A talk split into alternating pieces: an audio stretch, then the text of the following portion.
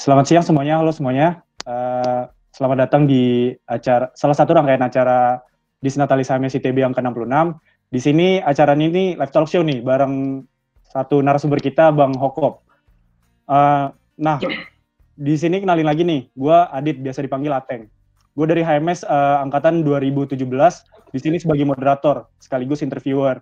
Dan di sini juga gue ditem ditemenin nih sama satu orang buat jadi moderator juga sekaligus interviewer. Silakan Gev, kenalin diri Gev.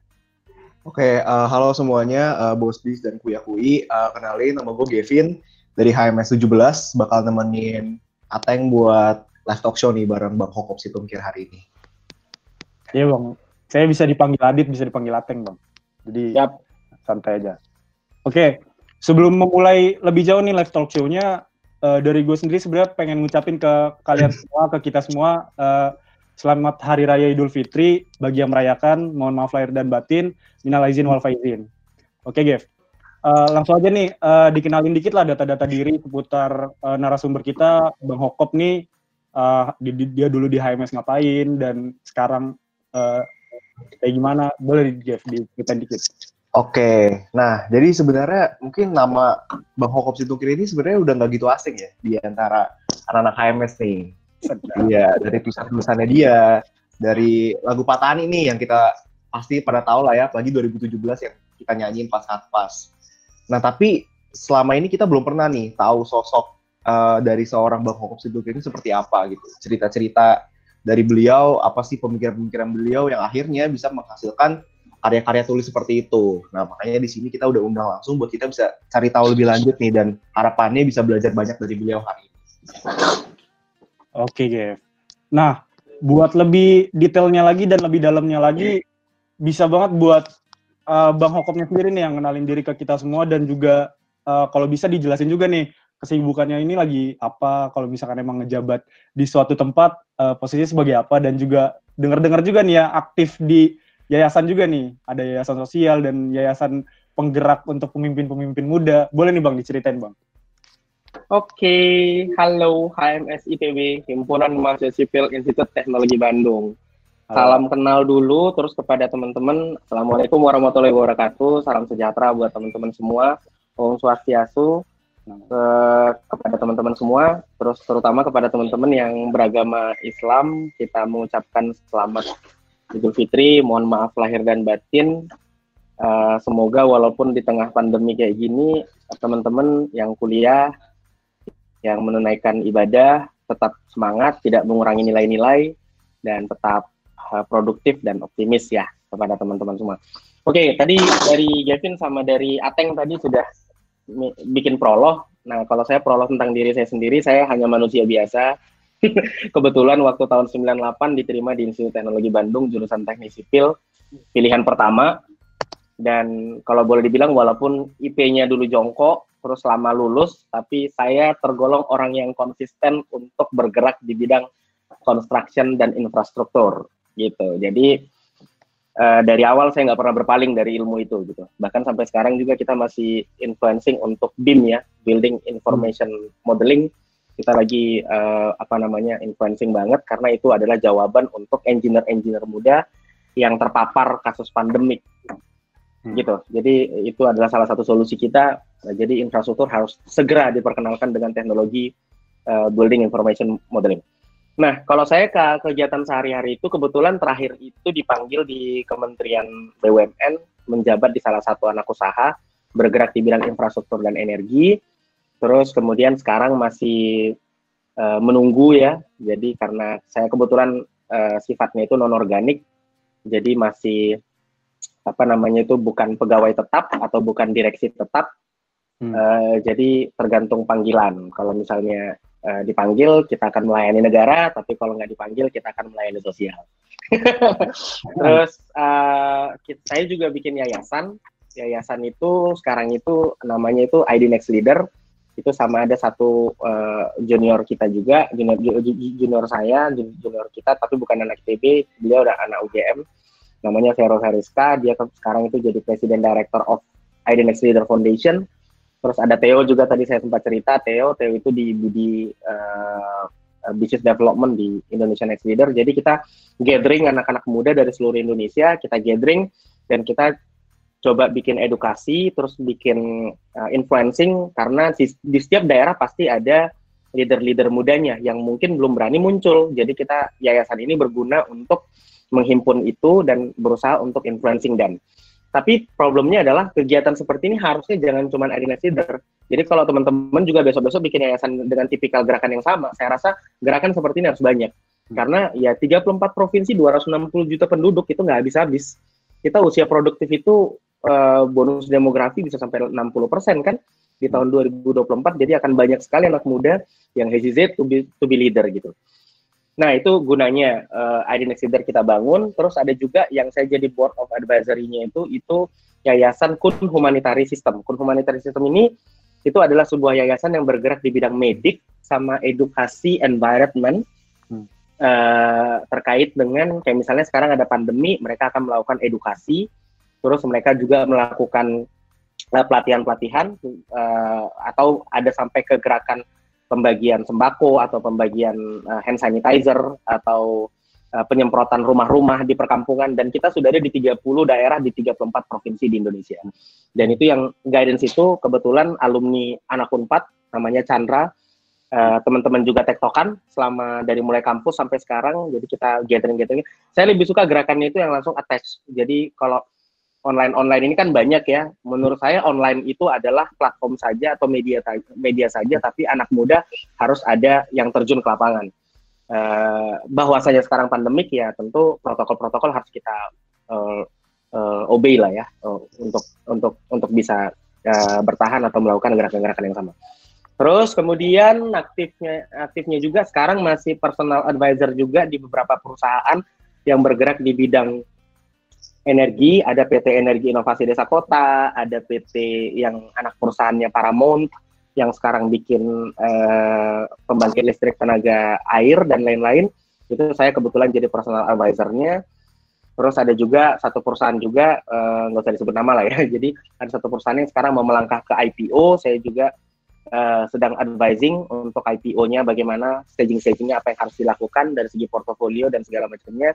Dan itu uh, apa namanya uh, saya lebih ke technical jadi saya uh, uh, advising them on technical uh, uh, uh, uh, apa namanya itu overview tentang energi terbarukan dan infrastruktur di Indonesia.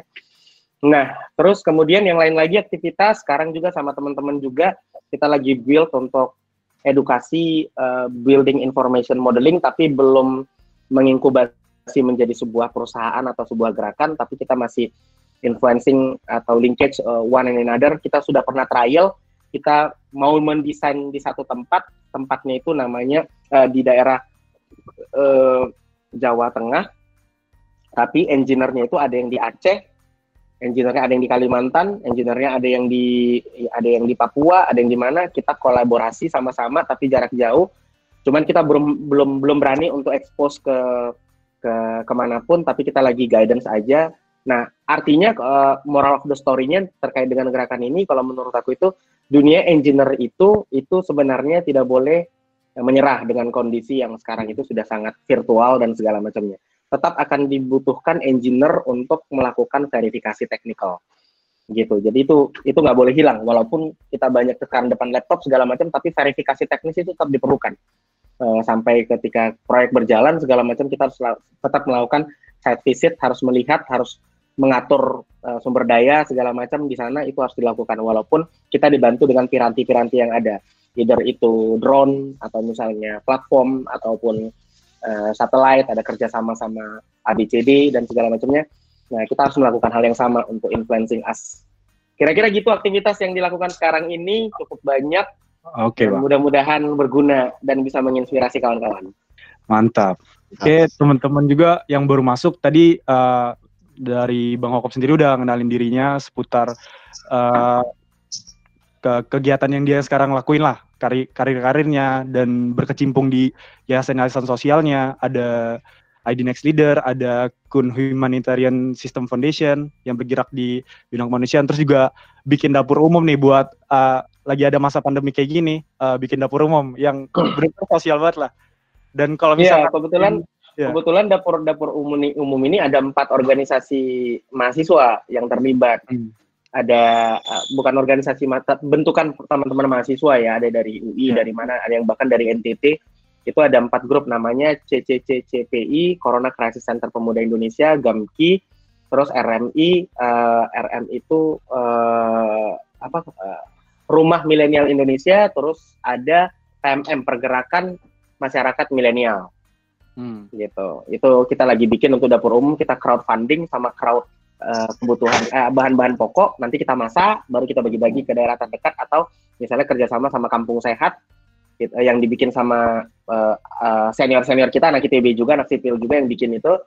Nah Bang Raja sekarang di situ angkatan 93 Bang Amar di situ sekarang anak elektro 8 berapa gitu ya Nah, hmm. kita uh, lagi uh, apa melakukan itu dan kalau misalnya nanti mereka buka lampu hijaunya misalnya bagi nih di kampung sehat di di apa nih di di Sumba nih kita berangkat ke sana gitu.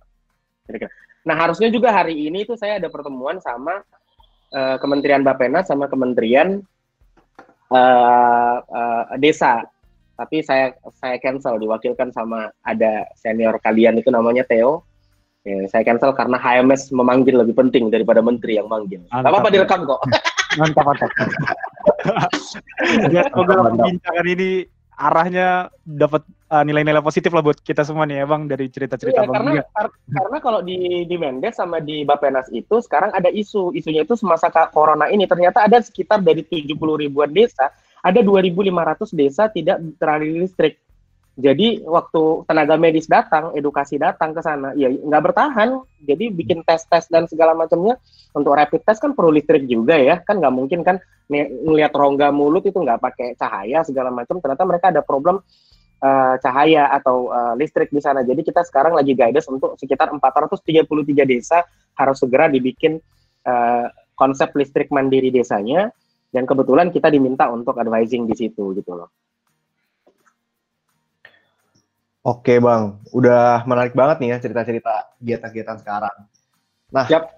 uh, justru malah makin menarik nih. Kita jadi sini malah makin tertarik. Sebenarnya dari seorang bang Okop yang sekarang sebenarnya gimana sih background story-nya pas masih jadi mahasiswa gitu. Udah seperti sekarang aja masih menggebu-gebu nih ya semangatnya untuk sosial masyarakat. Nah, kira-kira gimana sih pas mahasiswa? Nah, jadi sekarang uh, kita pengen nanya nih bang. Pas dulu nih masih di HMS, boleh nggak ceritain sedikit dong uh, kegiatan-kegiatan di HMS dulu tuh ngapain aja, momen-momen yang paling berkesan di HMS itu seperti apa gitu bang? Boleh bang ceritain? Sebenarnya ini panjang ya, tapi nggak apa-apa nanti kalian cut-cut hmm. aja ya. Oh, ingetin apa ya, namanya langsung ditanya-tanya atau langsung di di, di saja. Saya okay. masuk tahun 98. Tahun 98 saya masuk itu ke ITB itu itu saya kesan pertamanya ini adalah kampus yang sangat jorok. Kenapa jorok? Karena spanduk di mana-mana, selebaran di mana-mana, tulisan-tulisan reformasi untuk rakyat dan segala macam itu uh, uh, banyak. Dan ketika saya masuk, begitu saya mendaftar, saya langsung ditarik di salah satu unit kegiatan mahasiswa. Namanya itu adalah Veritas dulu, LKPD Veritas, Lembaga Kajian Praksis Demokrasi Veritas. Uh, saya langsung masuk ke situ, bahkan belum belum himpunan karena himpunan ospeknya satu tahun, gitu. Jadi waktu saya masuk ke sana itu langsung dicokokin, langsung disuruh baca beragam-ragam buku dan segala macamnya. Untungnya dulu waktu saya SMA itu rajin agak-agak rajin baca-baca yang begini karena abang saya kebetulan angkatan 96 di elektro. Jadi dia dulu udah duluan terjun di di di, di kemahasiswaan dan segala macamnya. Dan akhirnya saya uh, uh, apa namanya uh, berusaha untuk belajar diri di situ. Nah, waktu di HMS itu ospeknya luar biasa ya. Kami ospek itu satu tahun, men. Dan ospeknya itu uh, physically jadi bukan physically distancing, tapi physically attack. Full attack. Jadi punggung gini luka-luka. Kalau teman-teman hmm. misalnya ini kita ketemu langsung, kalian masih lihat di sini ada bekas luka. Ini hmm. bekas dari senior kita juga. Terus di belakang ini masih ada bekas, uh, bekas pukulan apa koran yang diisi oh. dengan bambu dipukul ternyata robek di hmm. sini, hmm. gitu kan. Terus tangan ini masih ada bekas uh, pusat berantai itu hmm. ini hitam-hitam semua segala macam. Jadi kebetulan saya dulu kera. Kalau kera itu istilahnya ketua rayon. Jadi kalau ketua rayon itu kan yang paling kuat dari beberapa ini terus saya kalahnya itu di super kera. Super kera itu berarti pimpinan kera-kera, monyet-monyet. Hmm. oh, tuh, jadi, saya, jadi dulu kan eh, kami sipil itu kan langsung dibagi kelompok-kelompok. Hmm. Pimpinan kelompoknya namanya kera. Oh. Uh, super pimpinannya lagi namanya super kera. Hmm. Gitu. Jadi untuk mendapatkan titel sebagai super kera, kera-kera ini, monyet-monyet ah. ini disuruh berlaga fisik. Siapa yang paling kuat, dia yang menjadi super kera. Nah, super kera itu kami itu dulu apa? Berantem itu berarti atau gimana? Oh, bukan, bukan berantem. Oh, bukan. Tapi fisik, uh, push up, jalan jongkok, oh. baru habis itu sit up. Jadi banyak-banyakan. Misalnya hmm. apa namanya? Untuk menjadi super kera harus bisa seribu kali push up dalam satu hari. Gitu.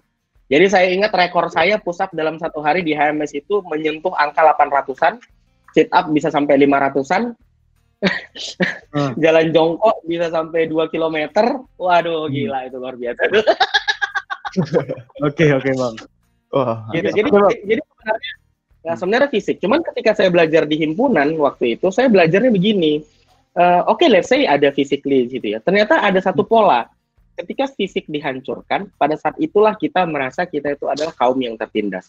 Ketika kita merasa tertindas, ada indoktrinasi masuk yang ya kita harapkan itu positively ya, positively hmm. masuk dan itu uh, membuat kita uh, belajar atau mem membuat kita jadi mengerti satu sama lain solidaritas yang kuat, terus nasionalisme yang kuat dan segala macam. Ternyata itu masuk indoktrinasinya. Jadi saya pikir-pikir ternyata kalau orang-orang teroris atau orang-orang pergerakan kiri atau uh, dan lain-lain tuh polanya seperti ini ya gitu. Bahkan sebenarnya waktu saya bandingkan ke militer juga militer melakukan hal yang hmm. sama gitu. Jadi sengaja itu fisik itu dihancurin, dihancurin, dihancurin dan ketika dihancurin macam uh, indoktrinasi itu bisa uh, dimasukkan secara uh, perlahan. Hmm. Memang teori ini banyak yang menentang. Jadi waktu tahun 2002 ini terjadi pertentangan. Jadi pertentangan itu kami memaksa diri untuk tetap melakukan pola kaderisasi dari 2000, 2000 2001, 2002. Hmm. Waktu itu adalah kasus. Kasusnya itu uh, waktu itu ada splitting antara HMS sama KMKL waktu itu keluarga masuk kelautan. Oh, ada iya. splitting. Nah, ketika di splitting kayak gitu, ternyata kita tetap melakukan ospek atau uh, or, uh, orientasi uh, mahasiswa uh, yang sifatnya itu perpeloncoan kalau dalam tanda kutip bahasa rektorat. Nah, waktu kita tetap melakukan itu, ternyata ada yang kena korban, terus habis itu orang tuanya komplain, terus habis itu sampai uh, danlap swastanya, kalau danlap swasta artinya danlap senior seniornya itu kena imbas. Uh, waktu itu ada Ahmad Muklis Firdaus namanya anak kelautan tahun 99 dan waktu dia uh, dicecar begitu padahal dia menurut saya he's doing all the material uh, yang which is uh, good untuk uh, apa namanya untuk membangkitkan semangat dan segala macamnya akhirnya saya turun untuk membela itu saya sampai ngubungin waktu itu kelompok-kelompok uh, teman-teman pengacara lah yang anak ITB gitu kan kalau kalian kenal itu Bang uh, anggotanya Bang uh, siapa yang Ubanan itu yang udah almarhum Aduh, aku lupa namanya. Ada Bang Charlie, ada Bang apa yang aktif di hukum. Nah, uh, itu waktu itu kita kontak-kontakan untuk bisa di, di di apa namanya membantu untuk melakukan uh, pembelaan advokasi kepada rektorat agar tidak ada sanksi secara akademik hmm. gitu. Nah, sebenarnya kalau menurut saya ospek yang keras itu ada nilai positifnya. Tapi hmm. memang ada oknum itu membuka peluang untuk oknum-oknum uh, senior untuk melakukan tindakan-tindakan yang di luar dari marka-marka yang ditentukan. Jadi saya sebenarnya nggak pernah negatif thinking dengan pola kaderisasi ya. Jadi pola kaderisasi menurut saya itu baik karena menurut saya menilai pola kaderisasi itu harus dilihat dari materinya, bukan dilihat hmm. dari metodenya. Kalau metode itu bisa macam-macam gitu. Orang ketika kita bikin metode pakai lilin terus merenung tentang orang tua bisa nangis Hmm. gitu. Ya sama juga dengan metode-metode yang lain yang mungkin arahnya juga atau visi misinya juga ke arah sana. Hmm. Tapi yang penting itu adalah materinya. Dan selama waktu kita uh, waktu di mahasiswa dulu kita sangat berkorban sekali waktu dan segala macamnya itu untuk mengembangkan uh, materi yang paling tepat untuk bisa dilakukan. Akhirnya muncullah tahun 2001 itu konsep desa binaan. Kebetulan waktu itu saya sekjennya, hmm. sekjen desa binaan pertama. Jadi sebelum uh, farmasi bikin Fardes, sebelum KM keluarga mahasiswa bikin desa binaan dan segala macamnya, itu konsep pertamanya itu saya yang justru sama Ahmad Muklis Firdaus. Jadi kalau ada yang bilang senior-senior bilang itu kita yang bikin, itu bohong. Saya yang bikin. jadi konsep desa binaan kita bikin. Jadi sebenarnya itu adalah konteks di mana ketika materi dilakukan itu ada uh, ospek yang dilakukan, ada orasi yang kan habis itu kita bisa untuk mahasiswa itu melakukan. Uh, konsep pertama desa binaan waktu itu kita bikin itu gerakan lumbung kota, baru habis itu ikan dan itu kita praktekkan pertama kali di angkatan 99 dan 2000. 99 2000 itu itu langsung bikin kerja sosial. Nah, kerja sosial itu itu adalah miniaturnya. Setelah kerja sosial berhasil dua tahun kita bikin, kita bikinlah konsep desa binaan. Itu hmm. sampai ke rektorat kita waktu itu uh, presentasi ke forum rektor kita hmm. presentasi tentang konsep desa binaan. Jadi kita mengarahkan semua konsep kaderisasi itu mengarah kepada uh, ini karena waktu di era kami itu nggak ada lagi istilah KKN kan kuliah kerja nyata hmm. gitu. Jadi akhirnya kita alihkan itu menjadi program mahasiswa yang terintegrasi. Jadi ada farmasi, ada biologi, ada sipil, ada apa segala itu terintegrasi sesuai dengan bidang ilmunya untuk memilih satu desa untuk kita bina selama satu bulan, gitu. Konteks-konteksnya kayak gitulah, eh, secara secara ide seperti itu. Nah, habis itu selama saya mahasiswa juga, saya sempat mendirikan satu unit, namanya unit tiang bendera. Tiang bendera itu saya tergolong adalah ekator unit, unit uh, kajian tiang bendera. Terus uh, tiang bendera itu saya yang bikin. Terus saya juga pernah jadi ketua di unit kesenian Sumatera Utara karena saya orang Sumatera Utara. Terus hmm. habis itu pernah jadi senator terlama di HMS ITB. Jadi saya adalah senator selama dua tahun lebih eh enggak ya satu satu satu, satu setengah tahun lebih hampir dua tahun menjadi senator hmm. Dan sampai 2003 masih senator. Padahal harusnya 2003 saya lulus, tapi saya masih hmm. jadi senator. Mantap. okay. Masih jadi senator di sampai ada bikin kegiatan juga ada eksternal kampus yang kita bina yang kita ikutin sampai ke Jogja waktu itu kita bikin bahkan konsep kaderisasi ITB uh, eh, yang hmm. dilaksanakan sama KM sama himpunan-himpunan itu pernah kita sidangkan di UGM. Jadi saya pernah diundang sama UGM Universitas Gajah Mada, mereka tertarik dengan pola kaderisasi di ITB. Jadi saya waktu itu hmm. pembicaranya tentang pola kaderisasi yang dilakukan di ITB. Jadi uh, memang ya itu tadi saya bilang metode ini macam-macam gitu loh. Bahwasanya saya adalah tergolong kader yang dulunya itu pakai metodologi yang sangat keras, pedagogi of Geofresh karya Paulo Freire hmm. itu kita terapin, diterapin sama senior-senior kita.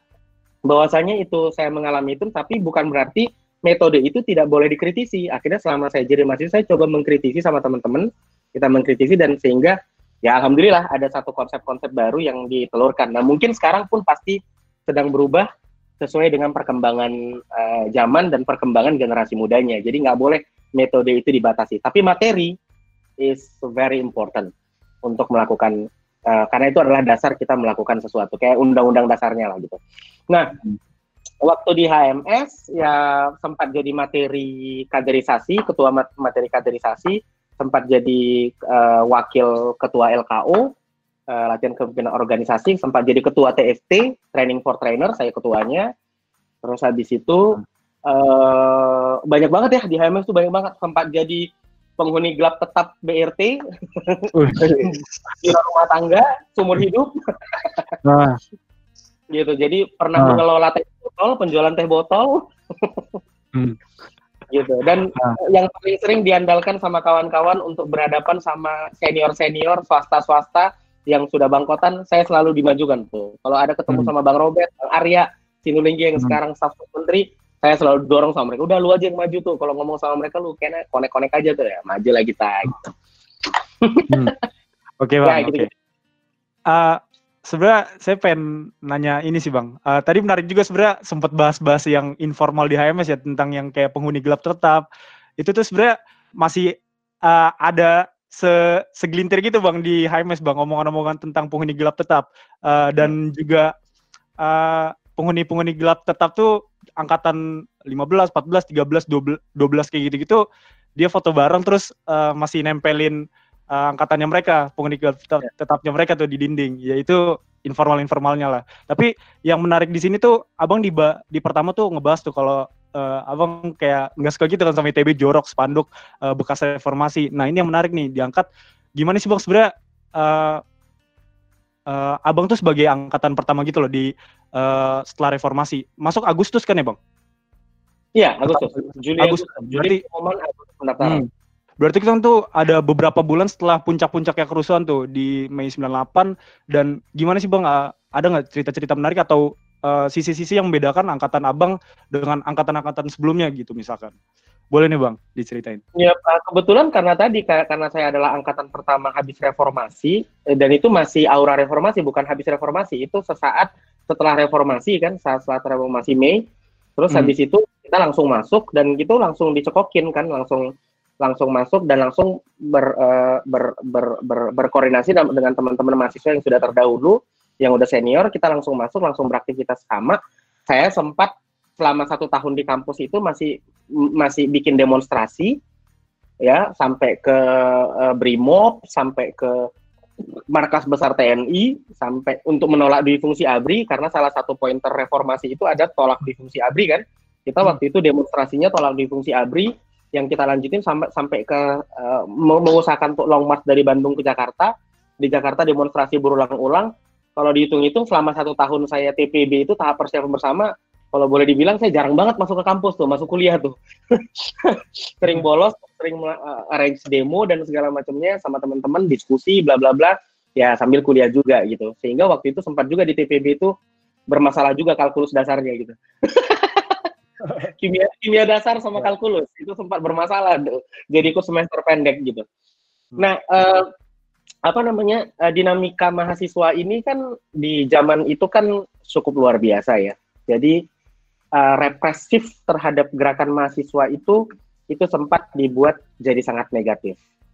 Uh, apa namanya uh, gerakan pemuda atau gerakan mahasiswa itu pernah dianggap sangat negatif karena represif represivitasnya itu. Jadi ada uh, rektorat, ada organ-organ dari luar, pemerintah dan segala macamnya. Bahkan intervensi pemerintah kepada kampus waktu itu besar sekali. Makanya waktu tahun 2000 2001 kita sempat menyusun di forum rektor tentang elektabilitas atau uh, how to elect rektor.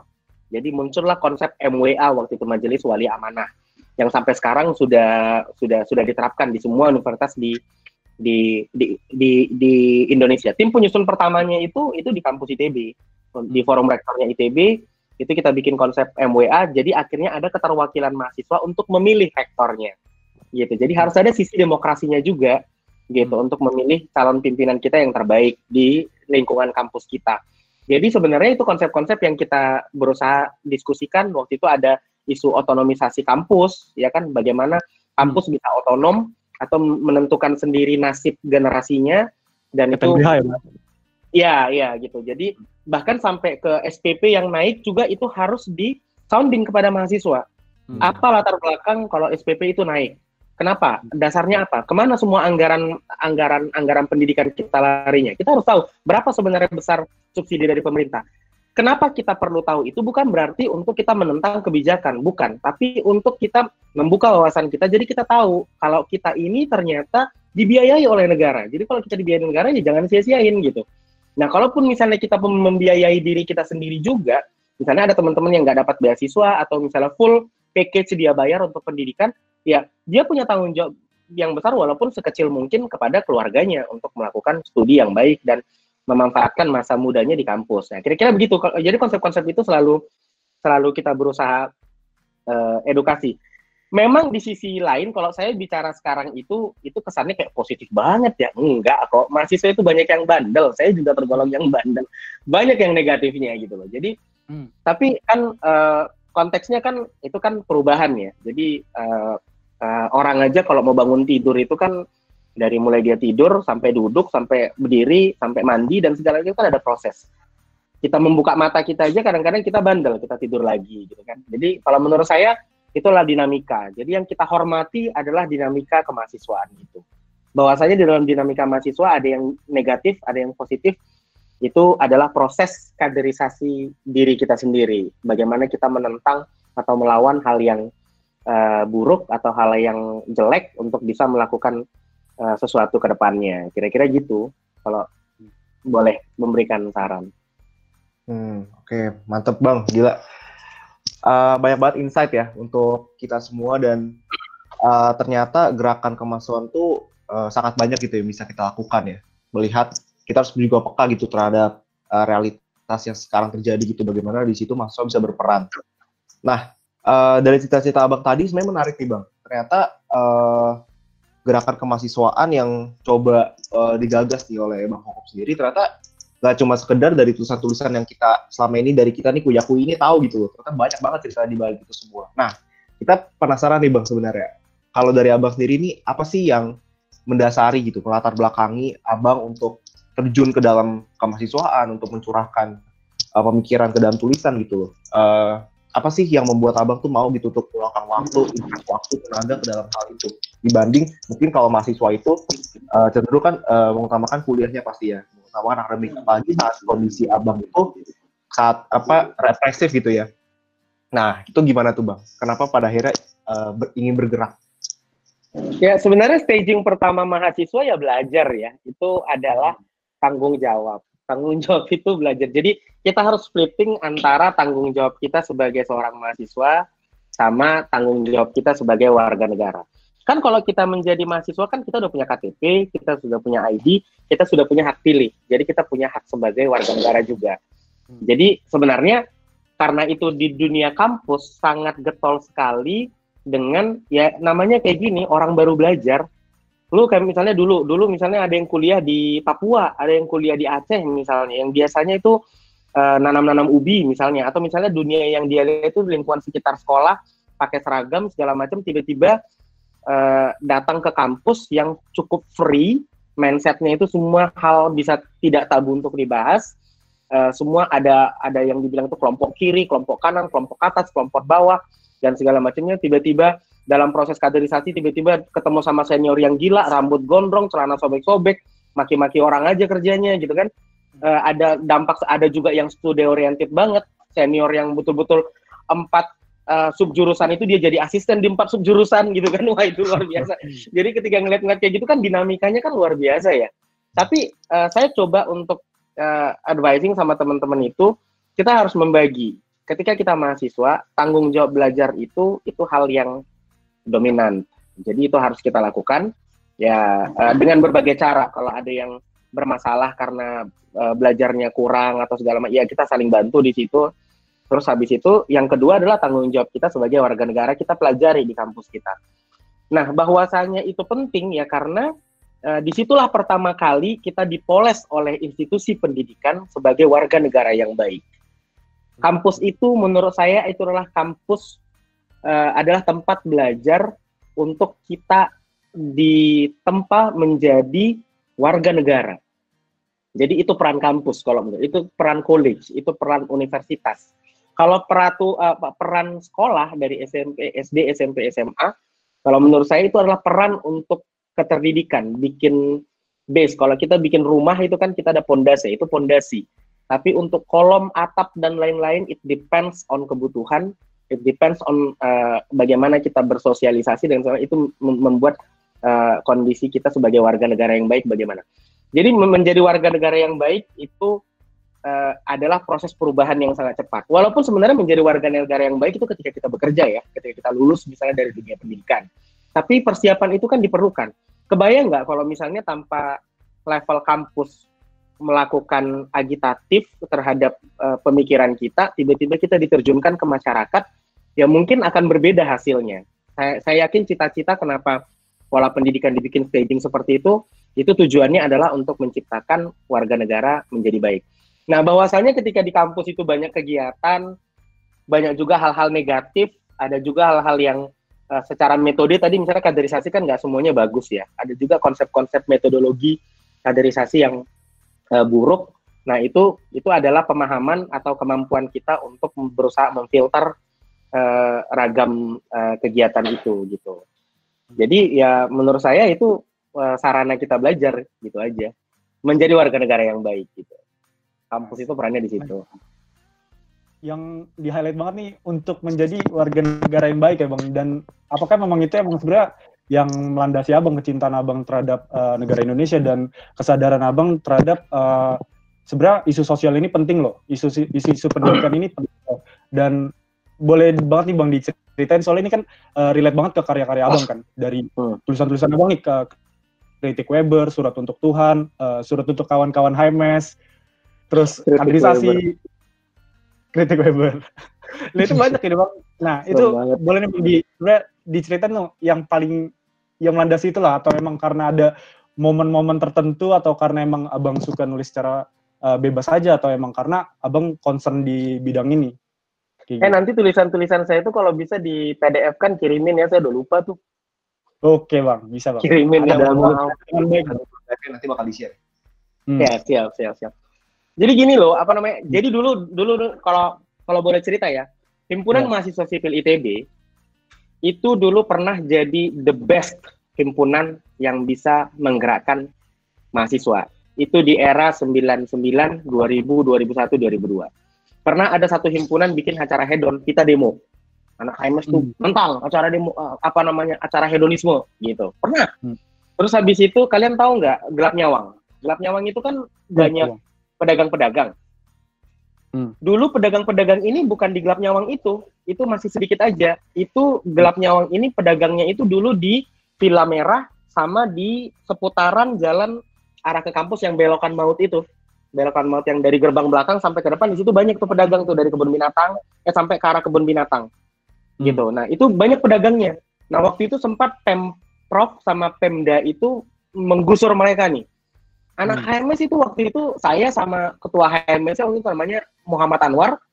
Itu waktu itu kita sampai ke Masjid Salman pinjam toa kita langsung lari ke masjid kita pinjam toa pak ini pedagang-pedagang mau digusur nih gitu kita hmm. langsung automatically langsung bikin gitu nah yang kita tawarkan bukan penggusurannya bukan tapi yang hmm. kita tawarkan adalah pak siapkan tempat kami anak sipil kami bangun pak tempatnya pak gitu kami bangun tempatnya kami edukasi masyarakatnya kami bikin koperasi pak gitu. Kami maintain kami pak.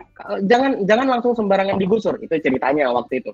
Hmm. Jadi kan waktu kita bikin demonstrasi kayak gitu, akhirnya muncullah konsep gelap nyawang kantin, gelap nyawang kantin yang ada koperasi ininya gitu loh. Jadi kita waktu itu berpikir itu act locally, think globally gitu. Jadi selama itu adalah lingkungan sekitar kita, kita berbuat aja apa yang bisa kita lakukan. Hmm. Sampai pedagang-pedagang kaki lima yang ada di kampus yang berjual jual batagor, jual mie pangsit keliling, yang masuk-masuk ke kampus dilarang sama Sapam kayak gitu, itu kita maintain.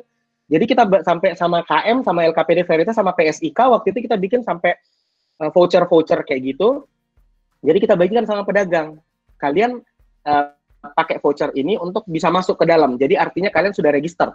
Kalau kalian register, karena waktu itu juga tingkat pedagang yang masuk ke kampus sama tingkat kecurian sendal jepit itu tinggi gitu loh. Jadi bukan bukan bukan menuduh PKL mencuri, bukan. Tapi hmm. artinya kampus sangat terbuka sekali orang keluar masuk. Jadi ada pencurian motor, ada pencurian sendal, ada pencurian TV di himpunan.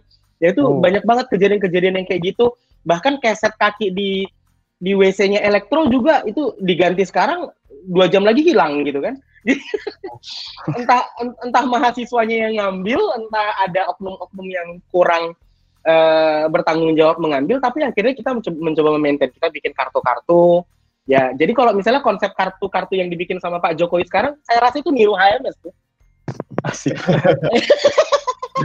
Jadi kayak kartu prakerja, kartu miskin, kartu edukasi. Saya rasa itu kayaknya uh, presiden atau orang-orang presiden lagi jalan-jalan ke ITB, oh ini kerjaan anak-anak nih, oh, ini bagus nih kalau dibikin satu Indonesia nih. Saya rasa kayak gitu tuh.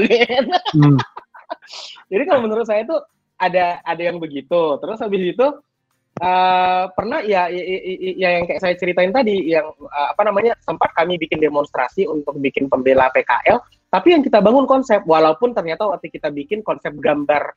Jadi ada satu orang uh, anak uh, laboratorium gar, gambar, gambar teknik ya, Gartek ya, Gartek ya. Hmm. Lab lab lab Gartek ini ada satu angkatan 9 9 yang jadi kordasnya. Itu kebetulan junior kan aku tektokan eh bro gue nggak pintar gambar nih. Lu bikin dong gambarnya segala macam nanti kita usulan sama pemprov sama apa segala macam eh, kita bikin yuk cepat. Oh, kami hmm. survei segala macam bikin segala gambar walaupun cuma kotak-kotak segala macam kita kasih ya walaupun sebenarnya gambar pas kita kasih ya dirobek-robek juga sama mereka nggak penting juga ya kan tapi at least yang kita lakukan itu adalah ada things yang berdasarkan kemampuan dan keahlian kita untuk melakukan uh, apa namanya sesuatu di masyarakat lingkungan kita yang paling uh, dekat dan itu sesuai dengan bidang ilmu kita gitu. Jadi kalau menurut saya uh, gerakan itu so simple man. Gerakan sosial hmm. itu is very simple. HMS ITB itu can do a lot of things. Uh, hmm. Jadi jangan langsung berpikir HMS bakal bikin pameran tentang teknik sipil satu satu dunia. Enggak, enggak, enggak, enggak, uh, hmm. uh, enggak seperti itu. Uh, apa namanya paret di depan Jalan Ganesa itu masih sering mampet loh you can do a lot of things there gitu loh untuk membantu negara kita membantu pedagang di sana yang sesuai dengan bidang ilmu Anda. Kalau perlu ada yang iseng-iseng itu ngitung berapa debit flow-nya, bagaimana, hitung berapa jumlah perkembangan sedimentasinya, uh, bikin program EPANET di situ ya kan kalau parat-parat kita nggak bagus nih, baru terbangin drone, kondisi uh, apa namanya sampah menumpuk di seputaran Jalan Ganesa kampus kita dan itu bisa jadi linkage dengan keilmuan environment juga dan anak-anak anak sipil mengajukan kepada rektor ITB. Kami meminta untuk uh, para sehingga kami meminta untuk meng, me, me, me, mengkaryakan mahasiswa uh, sipil ITB untuk melakukan per, per, pelebaran paret misalnya, atau pembersihan hmm. paret dan segala macamnya. So many things yang bisa kita lakukan dengan isu-isu sosial yang ada.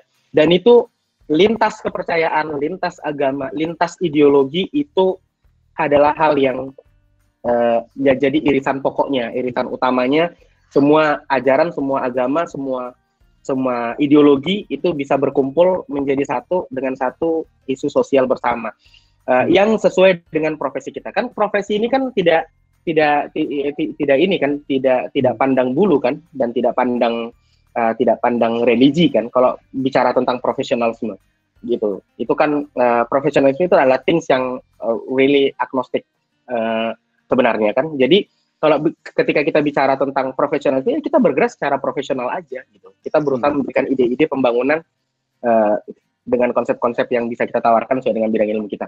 Jadi sebenarnya ide kecilnya hmm. cuma sebatas itu doang. Jadi saya ingat banget, jadi sampai semua uh, pedagang kaki lima yang ada di gelap nyawa itu semua kenal kita tuh bahkan sampai sekarang saya bisa jamin nanti hmm. kapan saya ke Bandung saya kontak nanti moderator atau teman-teman AMS kita jalan ke sana pasti masih bilang wah bang Okop nih gitu kayak gitu Oke, boleh nanti nomor orang di Gajang bang. Dan kayaknya saya masih hutang di situ. Kayak bang Godek saya masih ada hutang tuh, masih ada hutang empat puluh ribu. Terakhir kapan bang datang ke himpunan? Tahun lalu, tahun lalu, tahun lalu oh, saya eh enggak enggak dua tahun, dua tahun yang lalu saya sempat mampir nongkrong-nongkrong di situ ngobrol-ngobrol segala macam. Di situ saya eh enggak di enggak. Dua tahun atau tiga tahun deh. Di situ saya dapat rekaman Pak Tani. Lagu Pak Tani hmm. saya dapat rekamannya dibikin sama angkatan siapa sih waktu itu? Si Morangkir ya ketua himpunannya ya? Siapa namanya? Uh, lupa banget. Orang bang ah kurang tahu bang. Tahu bang. 2000, 2016 2000 hmm. eh dia ketua himpunan dia angkatan 2000 berapa tapi dia itu uh, sempat merekam jadi membuat uh, nyanyi bareng dan dan segala macamnya hmm. itu bukan tulus siburian bukan marga marga Simorangkir ya Simorangkir yang sekarang kerja di ini di Angkasa Pura ya hmm. ketua himpunan kalian tuh Mario Simorangkir betul. Ya hmm. Mario Simorangkir. Alif yang bilang Alif Lukman. Iya Mario Mario sampai sekarang masih kontakan sama saya. Gitu waktu saya datang ke sana Mario datang bang ini apa namanya? Ganteng emang bang Kahim iya iya jadi ini Kahim kita bang yang sekarang. Oh bang Alif Kahim ya iya iya. No ya. wonder dia tahu lah pasti Alif ya. Salam hormat Pak Kahim. Eh Kahim itu Kahim itu jabatan seumur hidup loh mantap Iya, jadi harusnya Kahim-Kahim kalian itu bikin ini, bikin apa namanya, bikin grup sendiri. Kahim, tapi saya harus ada ya. Asik. Walaupun saya bukan Kahim dulu. oke bang, oke bang. Oke. Okay. Jadi uh, konteksnya waktu itu waktu waktu waktu kita datang ke sana uh, cerita tentang itu ternyata mereka bikin rekaman tentang uh, Pak Tani sempat juga kita diskusikan kenapa sih Bang bikin lagu ini hmm. dan segala macamnya dan untuk waktu itu sempat ditayangkan gimana. Ternyata ada juga beberapa lagu yang kita bikin sama anak-anak HMS dan itu diperdengarkan di OSKM diperdengarkan terus habis itu di gerakan-gerakan mahasiswa kita perdengarkan gitu. Jadi saya rasa itu is a very positive things yang bisa kita lakukan untuk gerakan mahasiswa atau gerakan kepemudaan. Puisi juga kalau dengar-dengar tuh abang pernah bikin puisi ya bang dibacain pas SKM tuh. Wah kalau puisi mah nggak usah dibilang lagi deh, udah Asik. banyak korbannya kalau puisi yang kita bikin mah. Asik. Kenapa terus? Kalau cewek dengar puisi nah. kita jatuh cinta ya kan, begitu lihat mukanya nggak jadi ya kan, hmm. aduh. Nah, nih bang, yang tadi abang sempat uh, ceritain juga nih bang uh, tentang keaktifan HMS untuk uh, peduli ke sesama sekitar, ngelakuin gerakan-gerakan kecil, sesimpel kayak memperjuangkan hak hak pedagang di gelap nyawang ya bang. Hmm.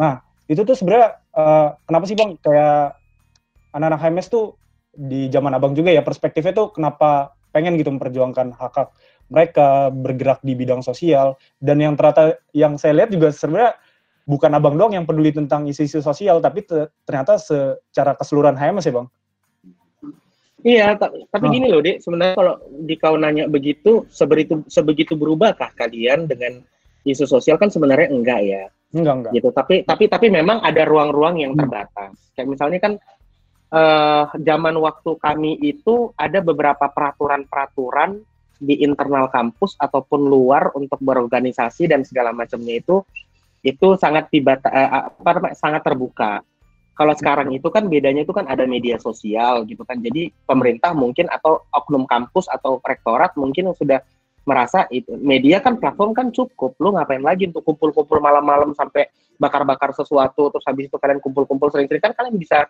bisa bisa melakukannya dengan online atau bisa bertemu dengan cara yang berbeda dan segala macamnya. Jadi sebenarnya itu menurut saya itu itulah yang saya kategorikan sebagai metode. Jadi kalau misalnya bicara tentang himpunan mahasiswa sipil, ya himpunan mahasiswa sipil itu udah menghasilkan banyak kader yang kalau misalnya KMS itu adalah suatu negara, pahlawannya udah banyak banget nah, hmm. di dunia kemahasiswaan dan kepemudaan gitu. Jadi senior-senior kalian itu yang udah di, duduk di level menteri, Pak Laksamana Soekardi misalnya zaman waktu itu kan, itu anak HMS banget tuh. Saya ketemu sama dia tuh langsung cerita HMS masa ke masa.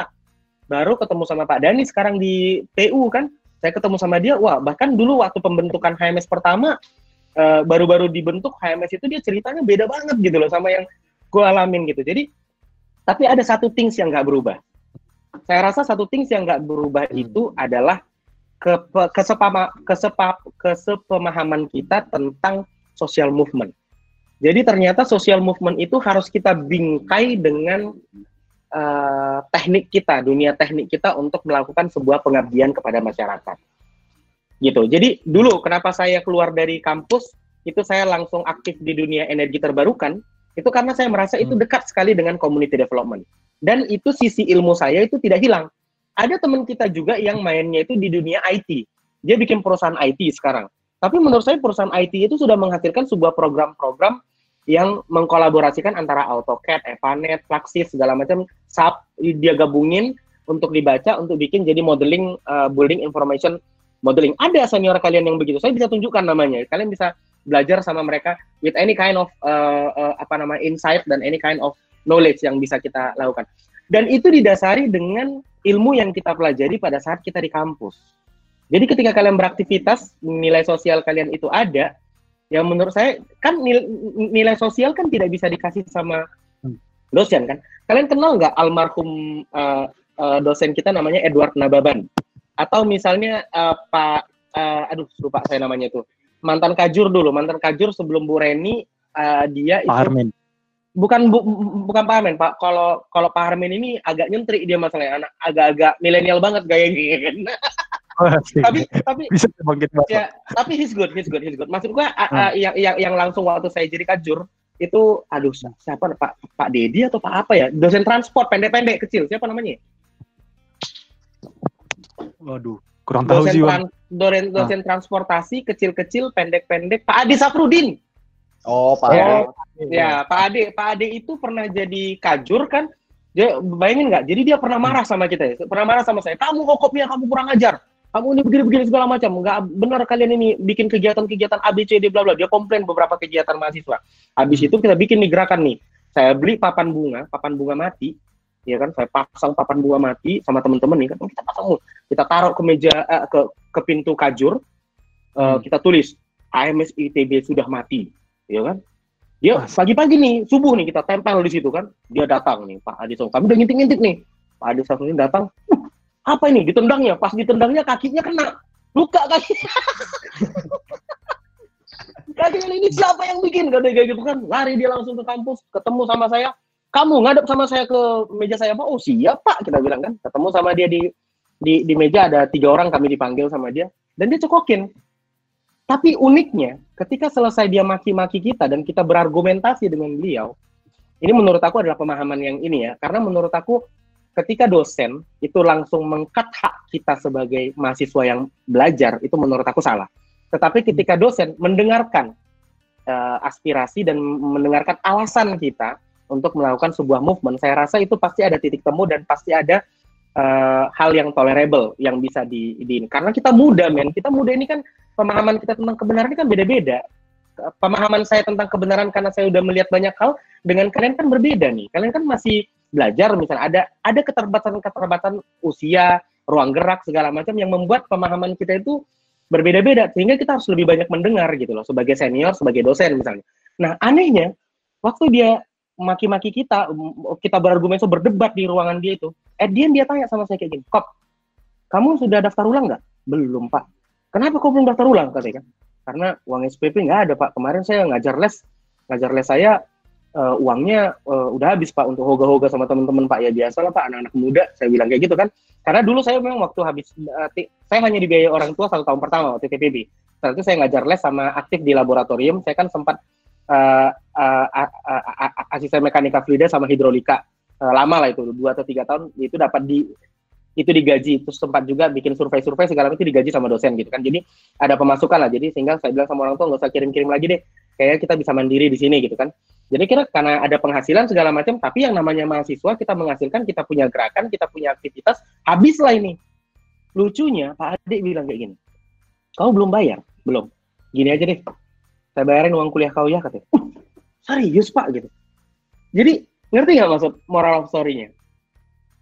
Ada ruang di mana elders sama anak muda di lingkungan kampus yang sifatnya profesional banget itu terjadi terbentuk. Walaupun terjadi dengan bentuk-bentuk pertentangan atau perbedaan cara pandang.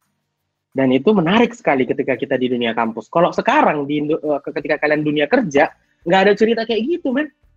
Hanya di kampus yang kita temukan cerita seperti itu. Kalau di luar ketemu sama orang udah bacok-bacokan. Saya pernah waktu di Chevron dulu waktu kita bikin pemekaran lahan atau pembukaan jalan akses way, saya waktu itu PM-nya di Not Duri Development 12 di Duri. Kita uh, saya jadi PM-nya di situ, dihalangin sama penduduk sampai datang ke kantor, meja gue dibelah pakai parang. Udah pernah dan itu wah itu sensasinya luar biasa gitu. Kalau di kampus itu mungkin kita ketemunya sama kayak Pak Ade atau ketemu sama or ornamen-ornamen mahasiswa yang kerjanya mungkin berantem wisudaan berantem gitu kan pukul-pukulan segala macam. Tapi ternyata ketika di dunia nyata lebih parah dari itu yang kita alami gitu loh. Jadi menurut saya inilah dinamika yang harus kita hormati, dinamika yang harus kita cintai. Gitu. Semakin kalian banyak beraktivitas, semakin banyak kalian beradu argumen, berantem di situ dengan tujuan yang baik, saya rasa itu it will give you some lessons gitu. Gitu sih kalau menurut aku. Oke, gila, mantep banget bang cerita-ceritanya. oh ya, uh, buat teman-teman masa HMSTB, uh, jadi nggak terasa nih kita udah mau hampir satu jam, biar kita ya lemsin dikit dulu ya, lemsin dikit dulu. Nah, buat teman-teman boleh banget nih uh, untuk yang mau nanya langsung ke Bang Hokop, nah lewat di kolom chat nih boleh banget tulis pertanyaannya. Jangan lupa uh, tulis nama dan angkatan HMS berapa So sama pertanyaannya itu nanti akan ada uh, waktu-waktu di mana uh, moderator akan uh, masih menanyakan pertanyaan kalian kepada uh, Bang Hoko. Oke Bang, kita lanjut lagi Bang ya. Ya. Nah, uh, sebenarnya menarik banget nih Bang. Kalau dengar cerita tadi kayaknya perjuangan uh, mahasiswa ya untuk memperjuangkan hak-haknya uh, kepada entah itu pihak uh, dari jurusan atau prodi ya kalau sekarang terus uh, entah itu ke rektorat atau entar ke pemprov misalnya itu masih banyak banget nih perjuangan-perjuangan yang sebenarnya banyak banget yang membatasi gitu. Dan sebenarnya kalau dari saya pribadi cukup menarik nih ketika baca tulisan Bang Hokop tentang independensi mahasiswa.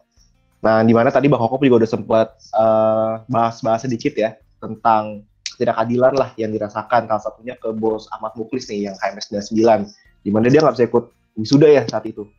Nah, hmm. boleh banget Bang ceritain dong saat itu kejadiannya seperti apa sih, kekeosan terjadi itu seperti apa gitu dan uh, pada akhirnya apa sih harapan Abang dengan menulis tulisan itu saat itu? Ya, saya, saya masih ingat sih tulisan itu ya, masih masih ingat banget tuh lucu banget tuh. Itu kita nulisnya itu bertiga, saya, dia sama OB waktu itu kita malam-malam nulis, terus habis itu kita bikin maram seribu lilin. Habis pa, siang pagi-pagi kita lakukan deklarasi, kalau rektor tidak tidak tidak mewisudakan Ahmad di Sabuga, kami yang akan melantik Anda menjadi uh, menjadi menjadi lulusan terbaik HMS ITB. Kira-kira gitulah ya historikalnya gitu. Jadi waktu itu ceritanya ya ya, ya seputar-seputar ospek ya. Padahal sebenarnya kita itu uh, cukup banyak kegiatan yang positif. Tapi entah kenapa ospek ini jadi makanan yang empuk untuk untuk untuk untuk apa namanya untuk dibatasi dan segala macamnya. Jadi waktu itu waktu kita uh, bikin itu ya itu terjadi begitu aja romantika terus rasa sedih. Saya ketemu sama orang tuanya orang tuanya itu depresi banget. Ahmad sekarang kebetulan sudah di uh, eh, Inggris ya di Inggris dia sekarang S3 dosen kelautan itu dia tuh. Sekarang dia dosen kelautan dan saya masih tektokan. Dan satu satu perkumpulan juga satu yayasan juga namanya Inovator 4.0 sama Bang Budiman Sujatmiko. Kita bikin uh, apa namanya Bang Budiman itu kita bikin sebuah yayasan namanya Inovator 4.0 salah saya salah satu kepala bidangnya Ahmad itu anggota saya. Terus habis itu saya bikin perusahaan bareng sama dia untuk energi inovasi desa kota itu. Itu Ahmad komisarisnya saya direktur utamanya. Kita bikin perusahaan untuk edukasi tentang energi terbarukan.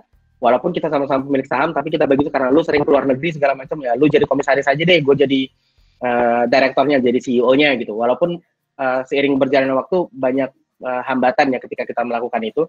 Nah tapi ceritanya Ahmad waktu itu kita sudah sama-sama bikin desa binaan. Kita sama-sama sudah bikin pola komunikasi antara rektorat dan mahasiswa. Dia mantan ketua OSKM ITB. Terus habis itu, Ahmad itu, uh, waktu dia ketua OSKM ITB, saya yang membina swasta, pembina swasta. Terus habis itu waktu dia jadi uh, uh, apa namanya ketua OSKM juga, saya jadi senator. Jadi semua materinya itu nggak ada yang salah. Terus habis itu waktu di HMS juga kita adalah orang-orang yang uh, berusaha untuk mencari konsep metodologi yang tepat untuk melakukan proses pembinaan kepada mahasiswa. Jadi saya rasa itu uh, uh, good things. Terus dia ada ilmunya. Kita sering belajar tentang keilmuan bareng.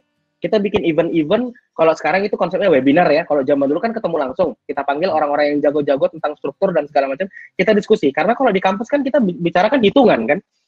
Applied-nya kan kurang gitu. Jadi kalau kita undang hmm. orang ngomongin tentang struktur baja, kita kebayang nih jadinya. Ternyata kan anak-anak mahasiswa perlu kan pemahaman YouTube dulu belum populer. Sehingga untuk bertemu langsung itu itu yang sangat sangat kita dambakan gitu kan. Hmm. Gerakan-gerakan seperti itu ada gitu.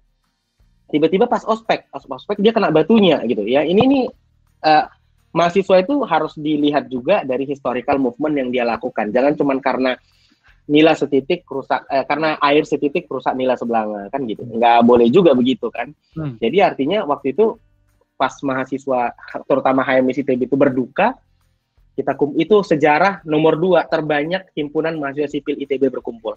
Yang pertama kali itu waktu kita bikin HMS ITB uh, eh, menggagas uh, pertemuan uh, mahasiswa seluruh Indonesia. Uh, hmm. Itu tahun 2001. 2001 saya sempat sampai dipanggil Polda itu gara-gara itu kan tahun 2001 karena bikin gerakan uh, perhimpunan atau uh, per, perkumpulan atau diskusi uh, mahasiswa seluruh Indonesia. Itu kumpul hampir di 150 universitas seluruh Indonesia kumpul di ITB di Aula Barat waktu itu. Saya jadi speakernya di situ. Kita bikin dan itu adalah HMS yang jadi di belakang saya semua, di belakang kita semua anak HMS semua. HMS yang kawal gitu.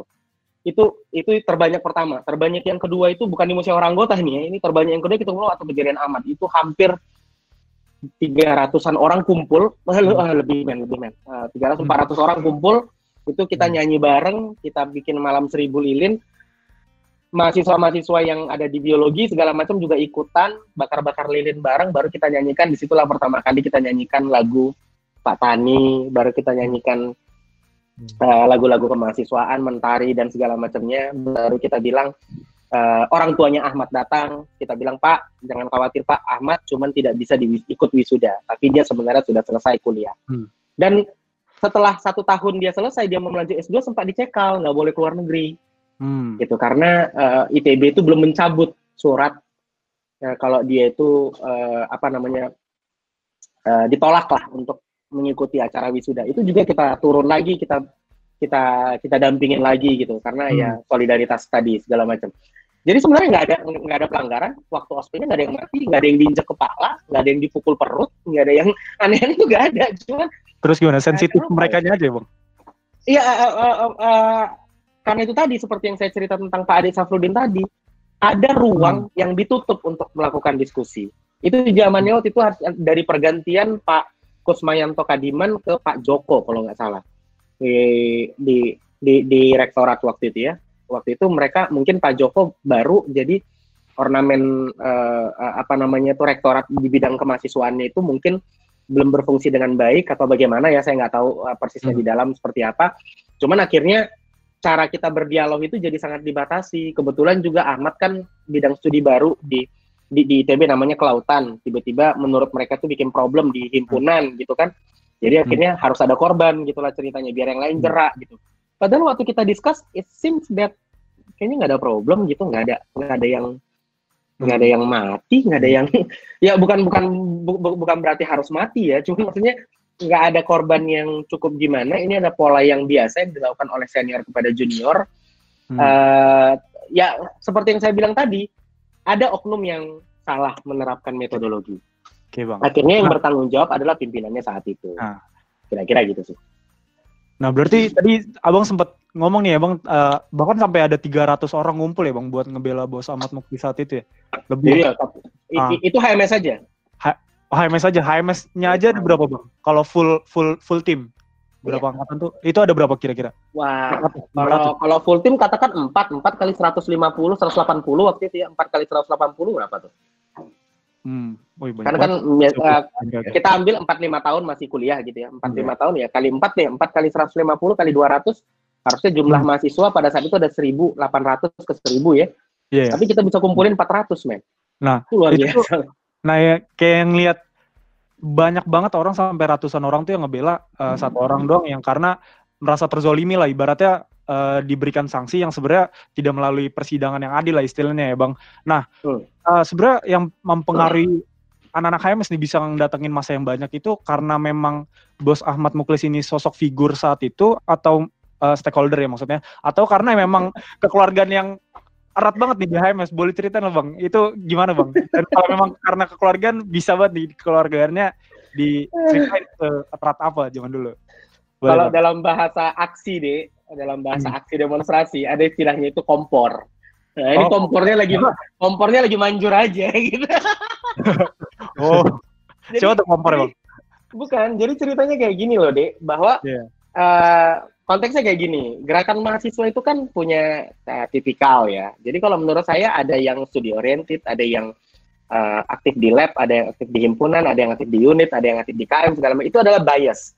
Itu adalah bias-bias uh, gerakan mahasiswa uh, bahwasanya itu perlu uh, penggalangan massa, aksi solider segala macam itu adalah satu uh, ada namanya itu memanfaatkan momentum. Nah, emang anak HMS ini cuma dua yang bikin rame. Pertama itu acara band-band HMS itu rame tuh, bisa sampai ratusan tuh ya datang kan. Terus habis itu ospek, anak baru datang pertama kali, wah itu swastanya bejibun men, bisa 200 tiga. Yang selama ini nggak pernah datang ke himpunan datang men untuk mukulin anak orang gitu kan. ketika ketika itu dibuka kan aneh alumni pun masih datang. Lu kebayang nggak waktu saya kuliah dulu dosen itu ikut nginjek nginjek saya gitu. Dosen itu ikut ospek begitu. Iya anak kami sudah ini tuh udah lagi ospek tuh. Turun nih dosen. Pak Har Pak Harmen ingat banget saya. Pak Harmen masih megang koran tuh. Weh kalian wow. saya saya super swasta nih katanya. Masih kayak gitu bro. Jadi menurut saya tuh ada momentum. Terus kayak kejadian yang Ahmad kemarin itu kebetulan memang uh, itu per pertama ada peralihan pergantian di kampus. Terus habis itu kita lagi susun otonomisasi kampus.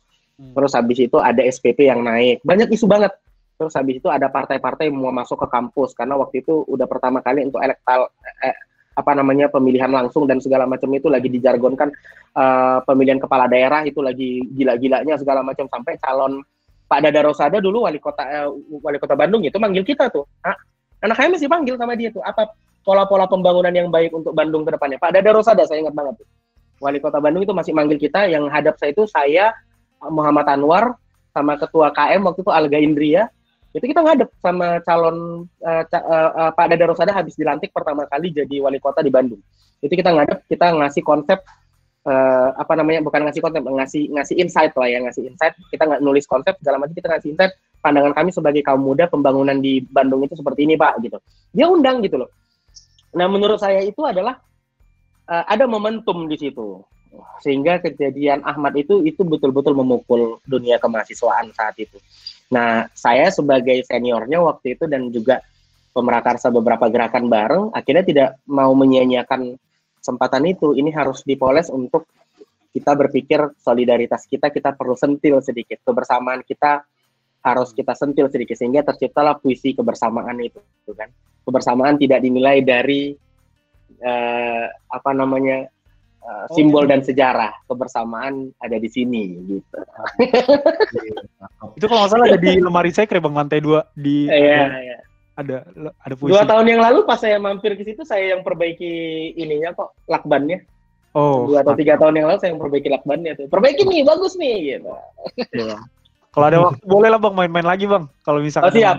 ya. Setelah ya. Siap. Ditunggu bang kehadirannya di meja om bareng sama Manggo kita makan mie bareng-bareng. Oke, okay, lanjut deh.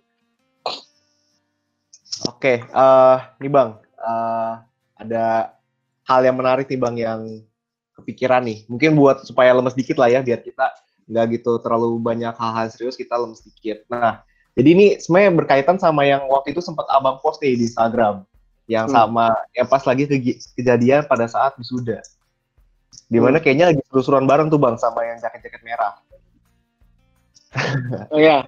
Nah, itu gimana sih bang ceritanya uh, pas zaman abang nih perseturuan lah istilahnya antara HMS dengan uh, waktu itu HMT ya mungkin atau dengan himpunan-himpunan timur Jawa lainnya. Gimana sih bang dulu cerita ceritanya bang?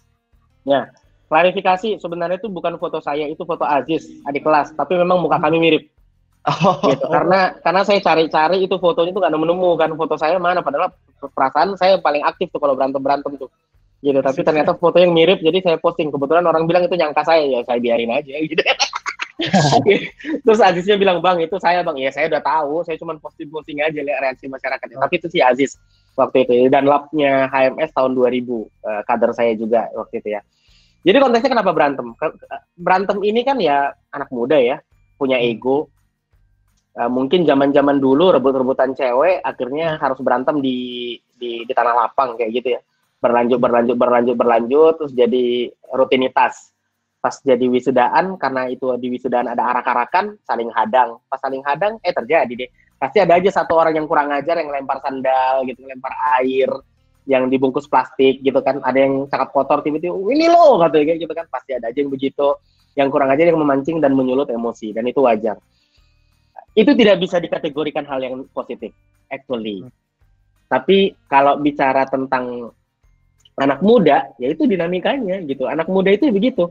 Masa kalian nggak marah sih? Misalnya kalian lagi nongkrong di himpunan tiba-tiba lewat nih segerombolan anak jaket merah atau jaket kuning ya kan? Tiba-tiba teriak nih mana kahim lu? Brengsek kalian satu himpunan katanya. Kalian nggak marah? Dia ngomong kayak gitu bang, ekstrim itu bang. Bo, eh, kita juga melakukan hal yang sama bro, bukan cuma oh. mereka. Enggak, ini ini ini ini konteksnya gairah muda ya. Oh, iya. Makanya saya bilang pertama kita bedakan dulu. Kita sebagai manusia kan punya keterbatasan, punya nilai. Kita masih di kampus. Lu kebayangkan, eh, bayangin deh. Satu tahun pertama lu di kampus, lu keluar dan mendapatkan rutinitas yang sangat jauh berbeda ketika lu kuliah atau di tengah keluarga lu.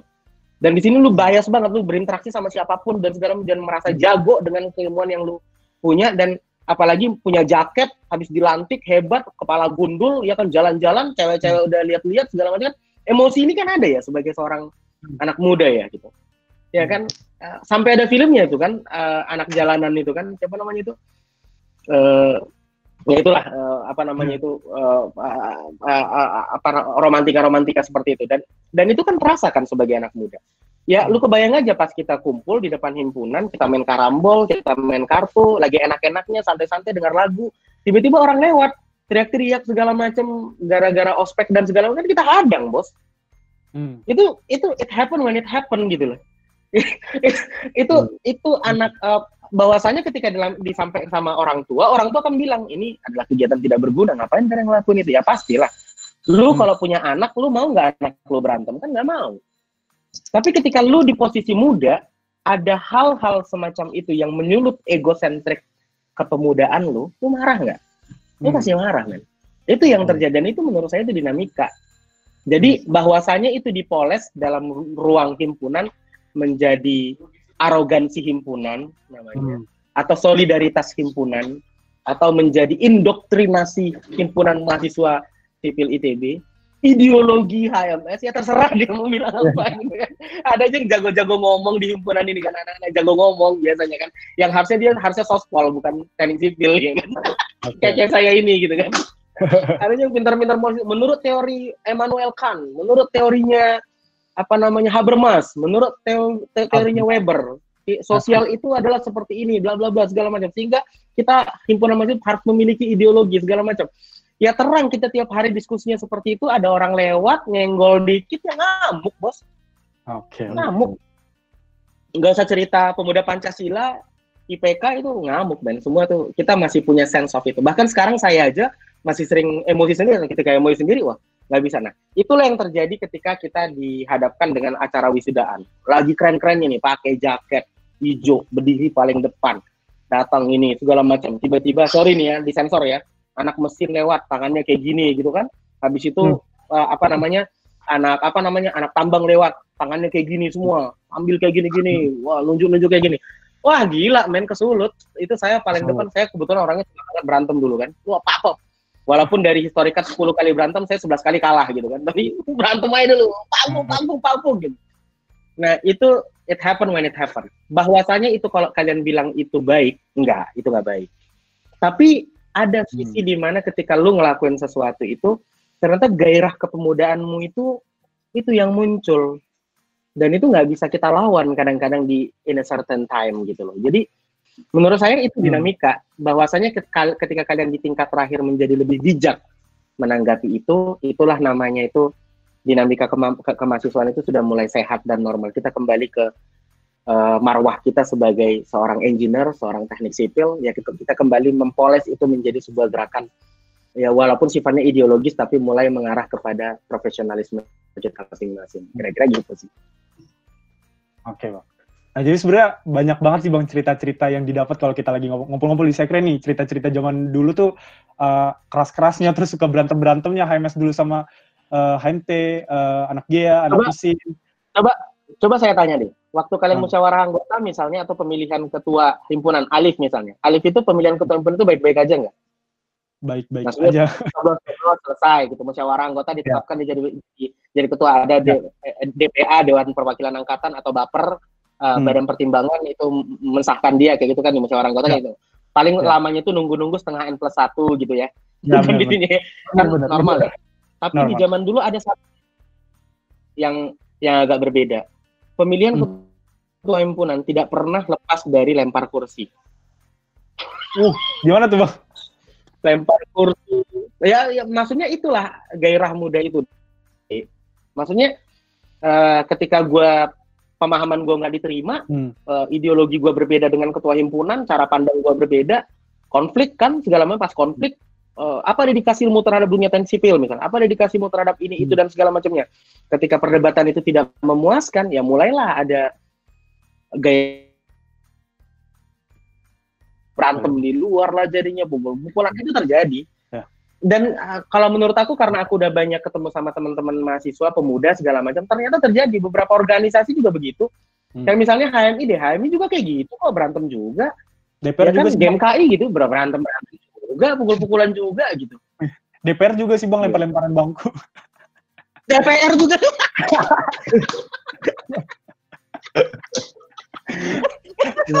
Gitu. Aura mudanya mungkin masih ke bawah tuh bang sampai sampai gini Oke, Okay. Yang bagian itu harus disensor ya. aduh, aduh nanti ada yang nanti dari untuk lagi bang nih undang-undang ITE ini. DPR DPR begitu mungkin dia itu uh, udah udah terlalu ini itu apa namanya terlalu terlalu berjiwa muda banget. Maksudnya mungkin idealis bang, Ide, idealismenya tinggi, Idealis. menjunjung tinggi kebenaran mungkin bang, positif thinking aja. Iya, iya, iya. Balik lagi lah bang. I know. nanti, nanti saya dituntut lagi. Oke bang. Nah, agak Oke. Okay. Agak gila ini si Ateng ini, nggak cocok jadi moderator si Ateng ini. Oke bang. Uh, nah buat ngingetin juga nih ke teman-teman semuanya, uh, jangan lupa buat uh, kalau misalnya ada yang pengen nanya, uh, langsung aja di uh, tulisin di kolom komentar. Kalau misalkan pengen nanya langsung ke abangnya secara hmm. lisan juga boleh, anggap aja rumah sendiri ya bang. Santai aja di sini bang. Hmm. Oke. Okay. Nah, jangan santai, santai. Santai aja jangan malu-malu. Oke. Okay. Lanjut nih Bang. Uh, tadi sebenarnya sempat beberapa kali menyinggung tentang proses kaderisasinya di HMS dulu. Nah, uh, kaderisasi saat itu di HMS kayak gimana sih Bang? entah kayak yeah, yang menyinggung ini kan tadi yang kayak misalkan tentang indoktri uh, udah disi, sempat disinggung nih tentang indoktrinasi uh, sehingga uh, nantinya ketika kadernya itu ditempa bareng-bareng, ngerasain susah bareng-bareng sehingga dia bisa ngelihat lebih dan pedulinya lebih gitu. Tapi apakah itu selaras juga sama tulisan Abang? Soalnya Abang uh, sempat nulis juga ya Bang tentang pendidikan yang penyadaran bukan tentang doktrinasi karena doktrinasi itu sebenarnya uh, pengarahan dan nggak cocok lah sekiranya di uh, ada di pendidikan. Gimana bang tanggapan abang? Uh, sebenarnya sama kayak gini. Ada yang menarik dulu. Dulu kan yang paling sering, ya, yang paling seru itu kan kalau kita kaderisasi pertama pasti pemilihan ketua kaderisasi hmm. itu konflik. Habis itu uh, bicara tentang presentasi materi dan presentasi metodologi pasti konflik pasti ada konfliknya sampai untuk konflik-konflik itu siap uh, apakah rapat ini boleh merokok atau tidak? Itu juga dibahas sampai sampai pagi gitu kan. Aduh itu udah mulai nggak kerjaan banget deh. Pokoknya itu konflik-konflik itu terjadi di dunia kemahasiswaan. Ada konflik-konflik yang tidak penting terjadi tapi pada dasarnya itu membuka sedikit wawasan. Walaupun sedikit tapi kita makanya saya bilang kita menghargai dinamika. Tapi konteksnya begini nih. Contoh misalnya nih waktu saya dulu ketua materi kita kan materi itu kan kita kupas habis tuh. Jadi habis itu saya disuruh baca nih sama uh, uh, DPA sama Dewan Perwakilan Angkatan swasta-swasta kasih lu baca ini gitu. Dibaca buku semua segala macam. Tiba-tiba lembar terakhir bukunya itu ada Stephen Chow. Eh Stephen Chow ya? Stephen Chow ya? Yang hidrologi hidro, hidrolika uh, saluran terbuka. Stephen Chow ya? Chow. Hmm. eh Fente Chow Stephen Chow lagi. Stephen Chow bintang film ya kan? Uh, Fente Chow Fente Chow. Jadi yeah. waktu itu uh, kamu udah baca ini nggak? Lah Stephen Chow uh, uh, Fente Chow mah ini apa namanya uh, buku buku silabus ini kenapa harus dibaca? Oh enggak, lu lihat dulu dalamnya. Saya baca. Ternyata saya pelajari. Uh, Ventecho juga adalah uh, mahasiswa zaman itu dan dia organisasi kepemudaan. Terus habis itu dia ahli juga. Jadi yang saya pelajari dari kaderisasi adalah uh, apa namanya pola kaderisasi yang kita bikin itulah untuk menilai kreasi seseorang kita jangan melihat produknya tapi kita lihat bagaimana dia berproses untuk menghasilkan produk. Hmm. Ngerti ya maksudnya? Jadi hmm. kalau menurut saya itu jauh lebih luar biasa dampaknya. Jadi yang kita pelajari waktu kaderisasi itu adalah PNTCO bagaimana menciptakan sebuah postulat. Habis itu uh, uh, uh, notifikasi Elman itu bagaimana di, di, di, di apa namanya menjadi sebuah teori untuk dipakai kepada uh, apa namanya itu uh, sistem perhitungan struktur uh, yang sifatnya itu uh, pakai apa uh, pakai iterasi berulang-ulang yang sekarang secara komputer sudah sangat mudah kita lakukan gitu loh. Jadi kalau menurut aku tuh uh, apa namanya proses itu yang kita pelajari bagaimana orang-orang ini bisa menulis atau bisa mengabdikan ilmunya untuk uh, kebaikan uh, bangsa atau kebaikan dunia teknik sipil dan uh, kehidupan profesional dia gitu. Nah, kalau menurut saya itu uh, itu yang ditanamkan yang harusnya ada di kaderisasi. Gitu. Jadi kaderisasi itu adalah sebuah rencana untuk membuat kita itu jadi berani melakukan sesuatu dan memiliki dasar teori yang jelas dan memiliki target yang jelas. Jadi uh, itu dinamikanya. Saya saya yakin kalian juga pasti melakukan hal yang sama.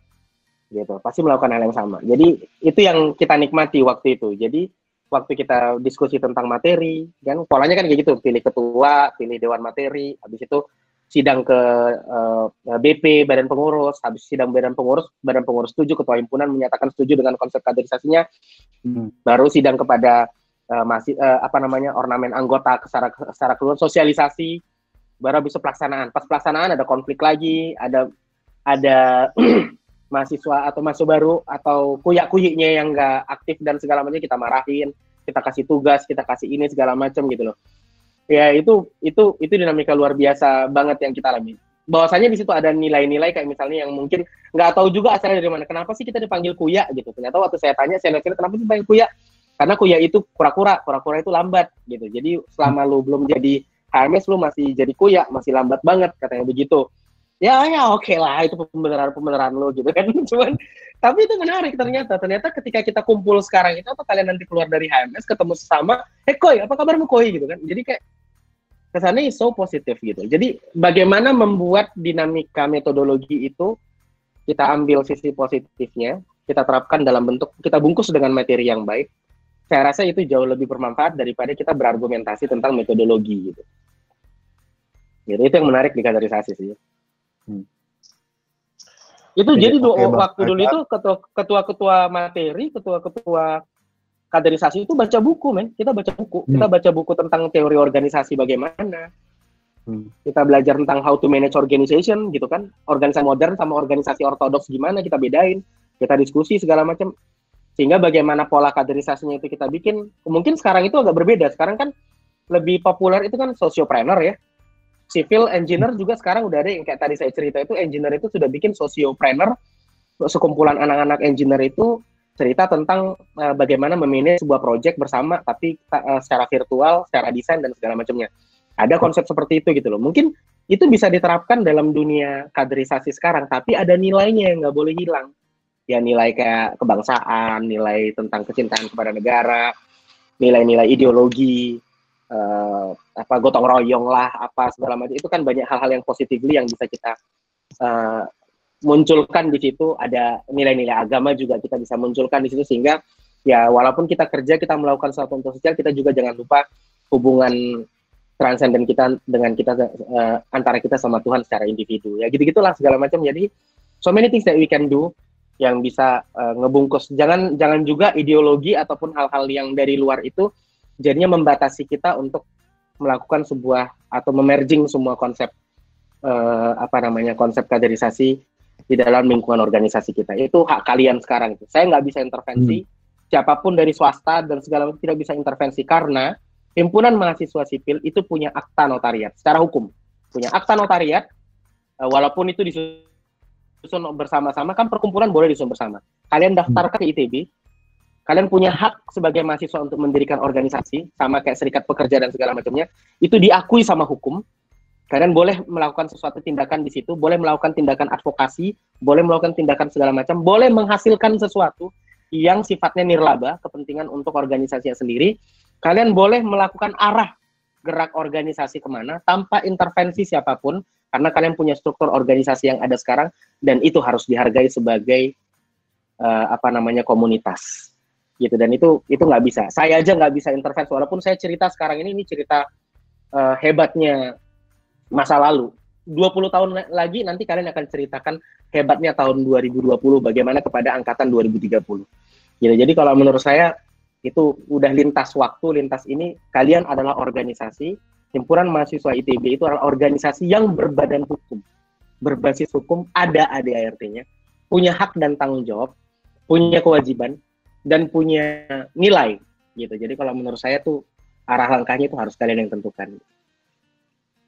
Oke, oke bang, uh, menarik banget nih sebenarnya cerita tentang uh, kaderisasi ini ya. Bagaimana ternyata abang ini juga dulu ketua materi ya.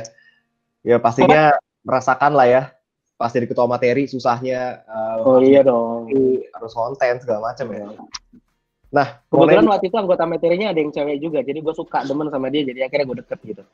Hey. jadi ada ada maksud terselubung. ya nggak beda jauh lah banget sama yang tahun ini tahun sekarang. Oke. Okay. nah, mirip-mirip katanya lah. Berarti ketua materi kalian mirip-mirip nih. Gak apa-apa, lanjutkan, lanjutkan, lanjutkan. paling Jadi, nanti putus gara-gara, paling nanti putus gara-gara beda agama ya kan?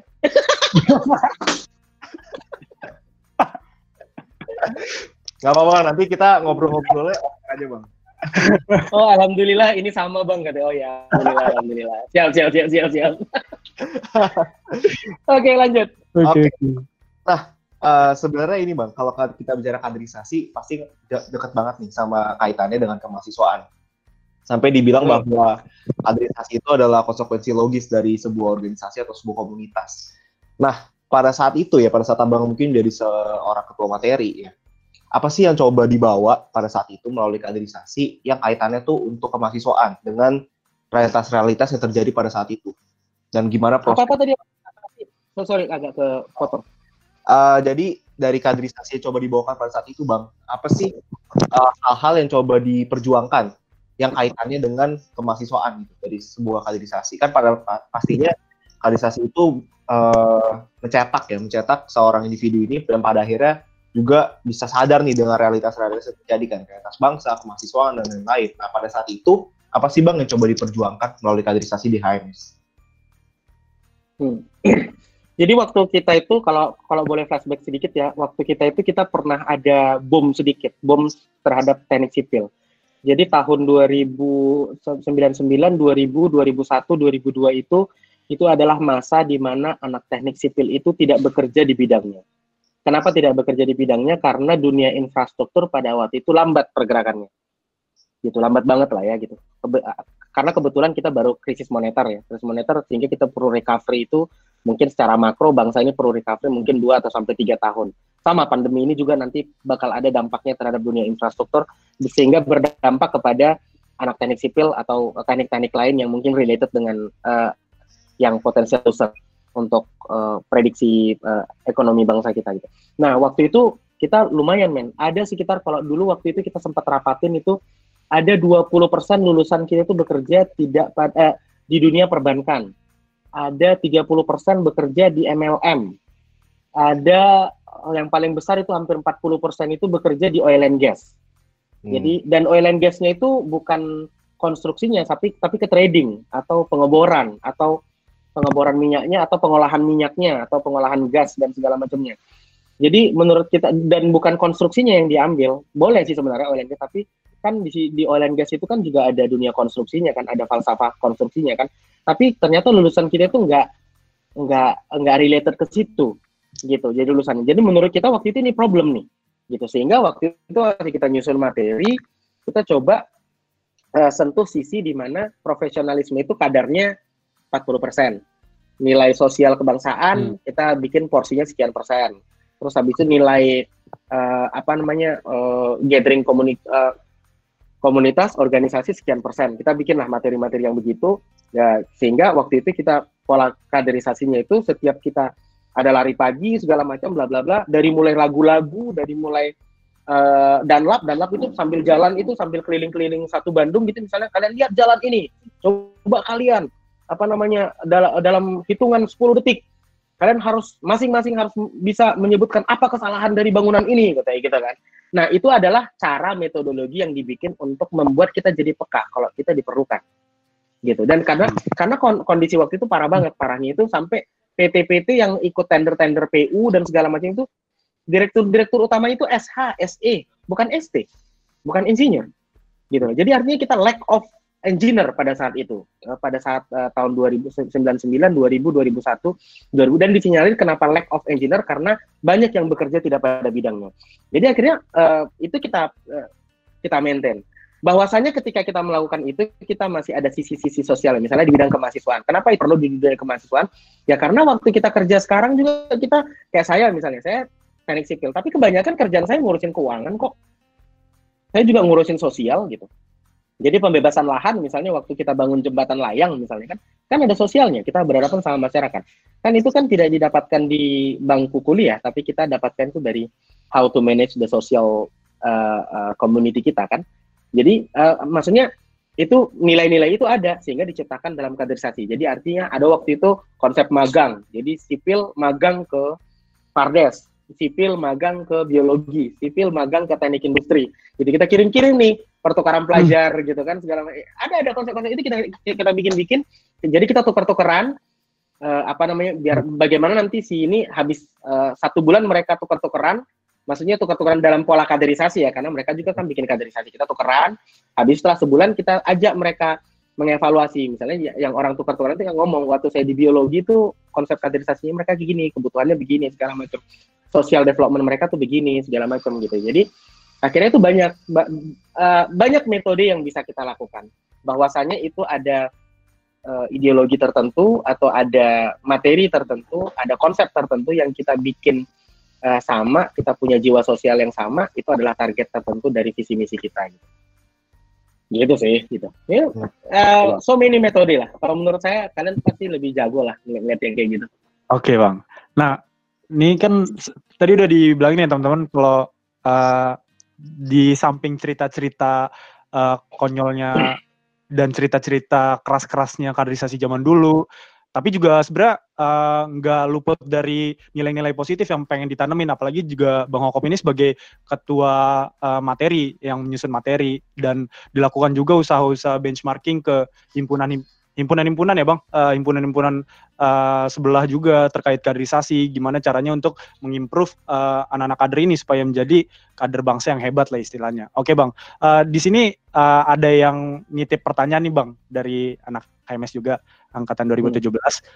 Uh, pertanyaan gini, mau nanya pandangan bos tentang generasi Z yang katanya cukup idealis, tinggi tingkat individualisnya tinggi dan benefit oriented.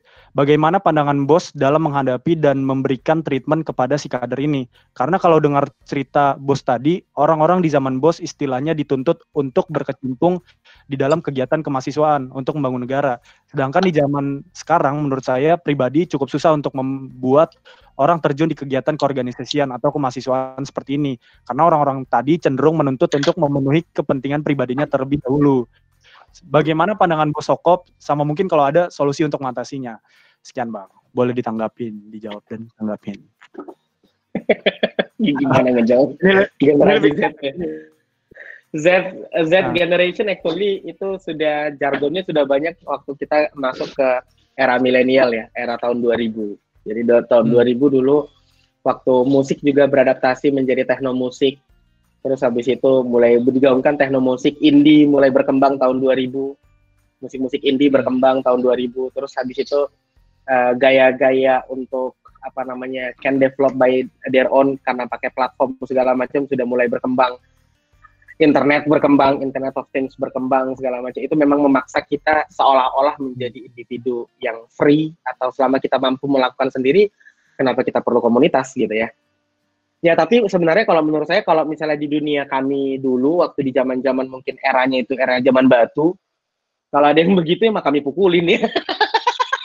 Oh. sorry, sorry, sorry, enggak, enggak, enggak, enggak, enggak. Oke. Okay. Kalau ada yang studio oriented dan segala macam, dulu kami kami hajar tuh kalau gini. Tapi kayak gini, dulu ada kalau istilahnya itu mungkin sampai sekarang itu ada kalian istilahnya itu ada master, ada nggak istilah di kalian master tuh? master master gimana tuh tugas master tugas. misalnya itu dia master tugas atau master catatan nanti di copy sama tukang kopi sebelah kampus oh. eh, sebelah sebelah HMS tuh kan itu catatan dia tulisan dia tuh semua tuh segala macam itu yeah. uh, hampir banyak jadi uh, konsepnya adalah memberikan ruang dan peran. Jadi enggak enggak semua orang bisa kita paksa untuk untuk apa namanya untuk membuat uh, kegiatan yang harus berkumpul bersama dan segala macamnya. Tapi harus dikasih ruang dan peran. Itu itulah fungsinya organisasi, itulah fungsinya ketua himpunan, itulah fungsinya senator, itulah fungsinya uh, eh, BPA, Badan Pertimbangan Agung di organisasi kalian. Si, uh, dia lebih peka untuk mematrikskan. Sekarang kan organisasi-organisasi muda kan yang hebat kan ketika dia punya basis data yang bisa mengelompokkan keahlian masing-masing anggotanya kan. Hmm. Jadi aku rasa kalian bisa mulai di himpunan seperti itu. Ada orang yang nggak bisa kalian paksa untuk turun ke jalan ada orang yang nggak bisa kalian paksa untuk ngaduk semen. Ada orang yang tidak bisa kalian paksa untuk datang rapat malam-malam untuk membahas yang namanya kaderisasi. Ada manusia yang seperti itu. Tapi peran dan fungsinya berbeda. Mungkin dia sangat cerdas sekali. Mungkin dia memang adalah orangnya sangat introvert untuk belajar dari buku, teoretik dan segala macam. Eh, peran ketua himpunan dan ketua-ketua angkatan yang seperti berusaha mematrikskan itu dan jangan cuma mematrikskan saja, tapi memberikan ruang dan peran. Misalnya kalau misalnya lu keahlian di situ, lu bikin kelompok, nanti kelompoknya ini akan bikin produk seperti ini. Ya tinggal dimatrikskan aja. Jadi kalau menurut aku kalau misalnya pertanyaannya tadi dulu nggak seperti itu, wah dulu mah banyak yang kayak gitu. Cuman dulu kan nggak ada YouTube, nggak ada Internet of Things, nggak ada nggak sehebat sekarang ada sih, cuman maksudnya nggak se fleksibel sekarang gitu loh, nggak se nggak se platform tidak sebanyak sekarang gitu loh, sehingga sangat terbatas uh, sangat terbatas banget. Begitu dulu relax.com launching pertama kali, wah gila. Folder-foldernya itu isinya itu mekanika fluida. Baru pas kita buka film bokep semua, men. Iya kan? Itu kan bandonya mahasiswa kan begitu ya. Jadi ada konteks yang begitu yang dipakai dan ketika kita mendapatkan platform yang baru, kita berusaha untuk menguasainya. Sehingga uh, ada ruang-ruang uh, di mana uh, apa namanya uh, folder si Ateng tuh. Ada si Ateng berarti suka nyimpan folder struktur dinamika ya, dinamika struktur tapi pas dibuka bokep semua isinya bisa itu bang nggak apa-apa teng saya juga kayak gitu dulu terus zaman dulu itu pakai password pakai apa segala macam. Jadi maksud saya tuh bahwasanya di zaman di masing-masing zaman pasti ada generasi yang sifatnya Z ya. Bahwa sekarang itu kesannya lebih sangat banyak yang seperti itu. Yang menurut aku itu adalah peran organisasi. Itulah peran pengurus organisasi. Yang jadi masalah adalah kalau pengurus organisasinya yang seperti itu. Itu baru hmm. bahaya tuh tiba-tiba ketua himpunannya itu di rumah aja gitu kan itu nggak janganlah jangan jangan seperti itu lah. Hmm. Sa saya yakin si siapa namanya uh, Alif ya Alif hmm. atau siapa Alif ya bang Ya, Alif nggak kayak gitulah. Saya rasa Alif pasti punya cara, ketua himpunan kalian pasti punya cara untuk mematrikskan kemampuan-kemampuan organisatoriknya dan berusaha memberikan peran yang studi oriented, perannya seperti yang generasi hmm. Z seperti ini, sehingga itu komunitas yang lain atau kelompok-kelompok yang dalam satu organisasi itu bisa merasakan manfaatnya walaupun kecil dan segala macamnya. Tadi orangnya juga udah bilang kejauh sih Bang, dia udah bilang makasih ke Abang atas jawabannya, kejawab banget katanya. Oke, lanjut ke Cewek lo ya? Apa? Cewek mau bukan? Enggak, enggak punya cewek, Bang. Enggak. Oh, enggak punya, kasihan banget. teman saya, teman saya, teman saya. Oke, siap. Lanjut. Enggak itu abain aja ini kolom komentarnya emang dasar orang-orangnya. nah ini bang, uh, pengen tahu cerita-cerita ini sih bang kayak seputar kaderisasi lagi lebih lanjutnya kayak kejadian-kejadian uh, masa lalu tuh ada juga diceritain tentang Diksargea yang bermasalah juga. Terus ada Himafi juga ya kalau nggak salah uh, ketua himpunannya yang di drop out bukan sih bang? Gara-gara osjurnya itu belum uh, belum belum belum ada sih ketua himpunan yang di drop out. Oh bu. Himafi itu bukan di drop out tapi kena sanksi. Namanya oh, Dila. Ya, namanya Dila. Dila ketua himpunan 98. Sekarang kebetulan teman saya ada bikin bisnis bareng crowdfunding kayak gitu. Hmm. Terus habis itu Gea waktu itu ada yang hampir meninggal. Kalau geodesi mati, meninggal. Oh, iya. Tapi ke setelah diselidiki segala macam ternyata memang anaknya makan Indomie doang baru ikut lari-lari kebanyakan aktivitas terus akhirnya dehidrasi terus dia juga lagi nggak enak badan terus akhirnya tapi ya memang kaderisasi jadi momok di situ. Nah kalau menurut aku ya uh, dulu pernah kejadian kayak gini waktu di Sargea uh, ketuanya hmm. Feli, ketuanya Feli angkatan 97 itu teman saya sampai sekarang teman saya karaoke bareng tuh. Feli itu sempat hampir di drop out tapi akhirnya sanksi skorsing dua semester. Uh, Feli waktu itu. Jadi waktu itu dia kita bikin pembelaan, saya waktu itu leading pembelaan pertama kali jadi himpunan HMS waktu itu itu saya bikin pola pembelaan. Waktu itu pernah saya bikin gerakan, terus anak HMS nggak ada yang mau bela, saya datang ke depan himpunan, saya bakar jaket himpunan gitu Hmm. Teriak, kenapa lu bakar jaket timunan nih? Saya bilang, ya kalian nggak mau gerak, ini orang udah mau di DO, sedang bukan membela mereka karena mereka melakukan kejahatan, bukan. Tapi ada sisi-sisi yang dia memerlukan hak untuk dibela, gitu. Dia memerlukan hak untuk mempersuasikan uh, cara dia untuk mengkader uh, anggotanya dan bahwasanya dalam kita kita kita kita berinteraksi dalam organisasi pasti ada oknum-oknum yang iseng jahat dan segala macam punya indikasi tertentu punya segmen-segmen itu tuh itu di semua organisasi terjadi gitu. Hmm. pasti ada aja gitu. Sehingga yang kita soroti adalah prosesnya. Proses persidangannya proses pembelaan dirinya bagaimana apakah sudah tepat. Uh, jangan langsung main hakim sendiri rektorat juga. Uh, ada konteks-konteks seperti itu. Waktu itu di Sargia pas zaman Feli ketua himpunan 97 saya ada di situ. Baru Himafi waktu itu si Dila juga seperti itu. IMG pas zaman Krishna sama Cahyo juga seperti itu. Jadi kalau menurut saya banyak dinamika yang begitu. Ya kebetulan memang HMS cuma kejadian satu dua and only terjadi cuma Ahmad Muklis Firdausi yang pernah seperti itu dan tapi itu pun tidak skorsing kan dia tidak di DO dia tidak skorsing cuman pada saat wisuda dia nggak boleh datang ke Sabuga gitu doang sanksi hmm. yang diberikan oleh rektorat gitu jadi kalau menurut saya tuh itu itu itu dinamika yang terjadi jadi ospek memang momok sih Eh, kaderisasi itu memang uh, momok. Jadi di situ tempat kita pertama kali beradu argumen, ketemu sama anak baru, sensasinya luar biasa. Apalagi di tengah-tengah anak baru itu ada yang cantik kecengan kita gitu. Terjadilah cinta di masa kaderisasi, bla bla bla segala macam itu banyak hmm. banget dinamikanya. We have to enjoy it, man. Hmm. Oke okay, bang. Oke, okay. ini bang. Uh, kalau kita bicara kaderisasi, pastinya uh, perancangan itu punya porsi yang besar banget ya bang ya? Supaya kayak tadi misalnya pas kita ngerancang materi ya untuk sebelum masuk ke metode. Nah kalau di sekarang ya bang di HMS tuh untuk perancangan untuk yang supaya bisa sistematis kita tuh ada make sering make al berpikir bang. Dan bukan cuma di HMS nih.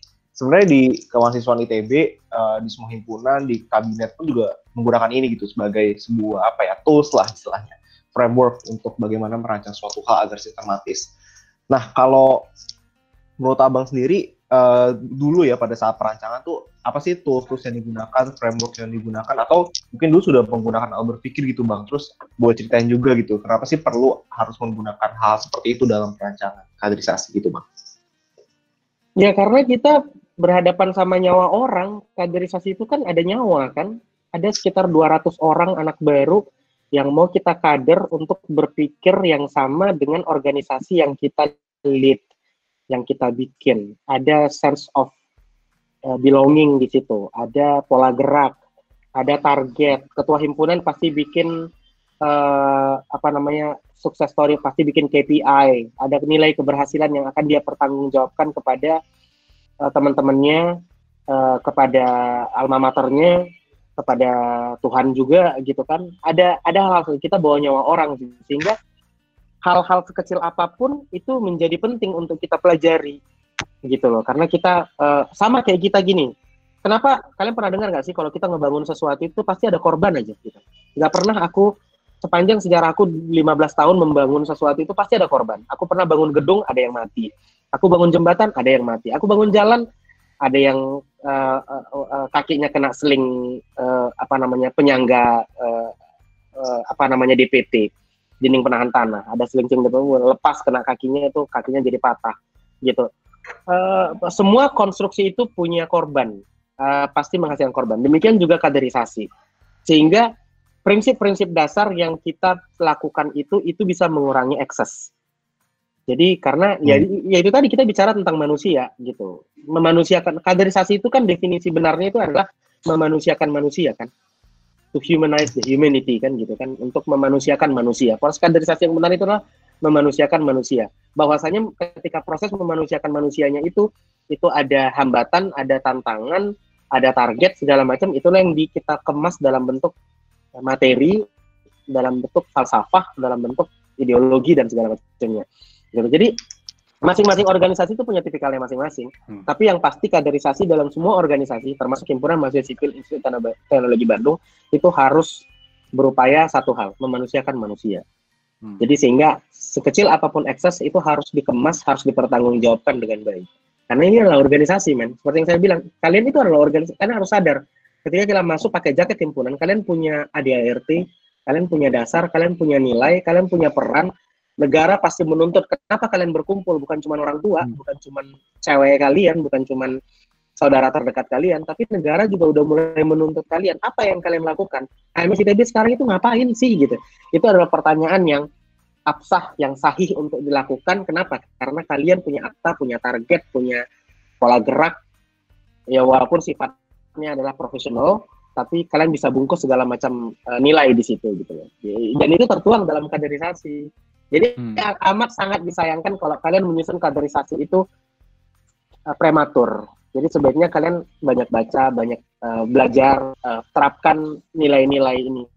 Kayak misalnya contoh kayak gini, physical distancing. Physical distancing itu ternyata kalau kalian jeli baca konsep K3, hampir semua sekarang proyek kan punya konsep K3 nih. Bahkan sekarang kalau nggak salah ITB juga sudah ada satu penerapan di MK itu namanya kurikulumnya di MK itu ada namanya itu K3 itu, mengenal prinsip-prinsip uh, dasar pelaksanaan K3 uh, kes, uh, keselamatan kerja gitu kan. Nah ternyata di ada klausul di K3 itu di OSAS itu itu ada satu konsep physical distancing. Jadi ternyata orang ngaduk semen itu nggak boleh bersentuhan.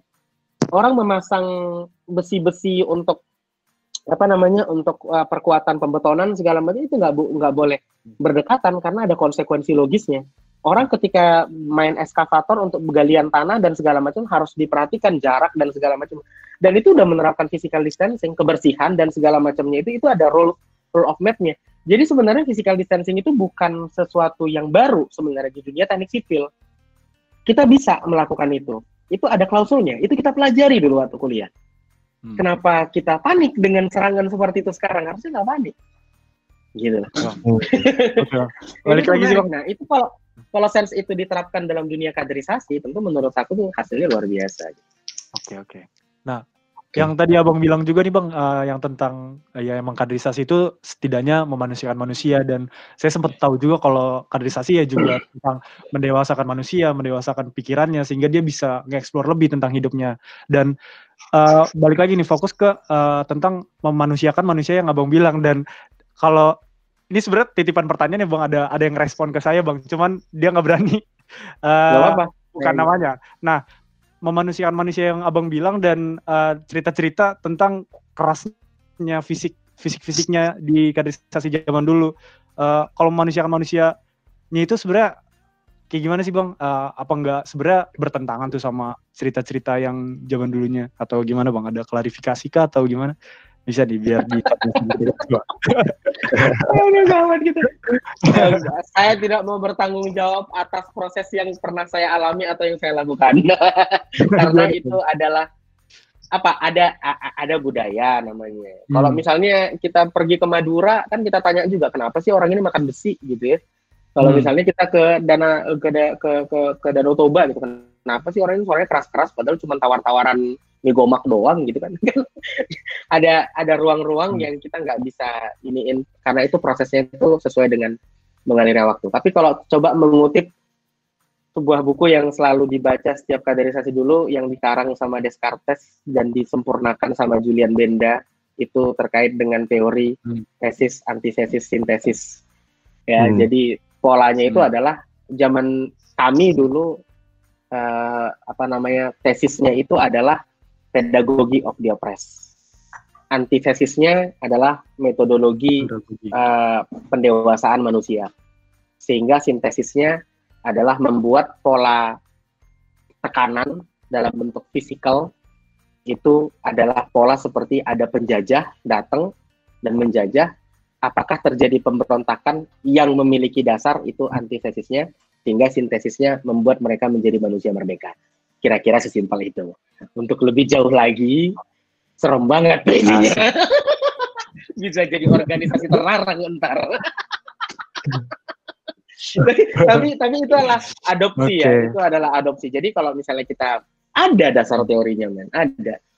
Lu pikir militer itu bisa turun sampai menghas menyerahkan nyawanya itu nggak pakai indoktrinasi pak ada indoktrinasi hmm. tertentu yang ditanamkan ke mereka Lu pikir ketika lu diterbangkan ke Dubai terus mau sampai menginstal uh, besi yang dilepas pantai ombak sekian besarnya dan semua lawan bisa kita hadapin orang Dubai, orang Arab, orang apa segala bisa kita tentang di situ dengan argumentasi kita itu nggak perlu kaderisasi, ada indoktrinasinya.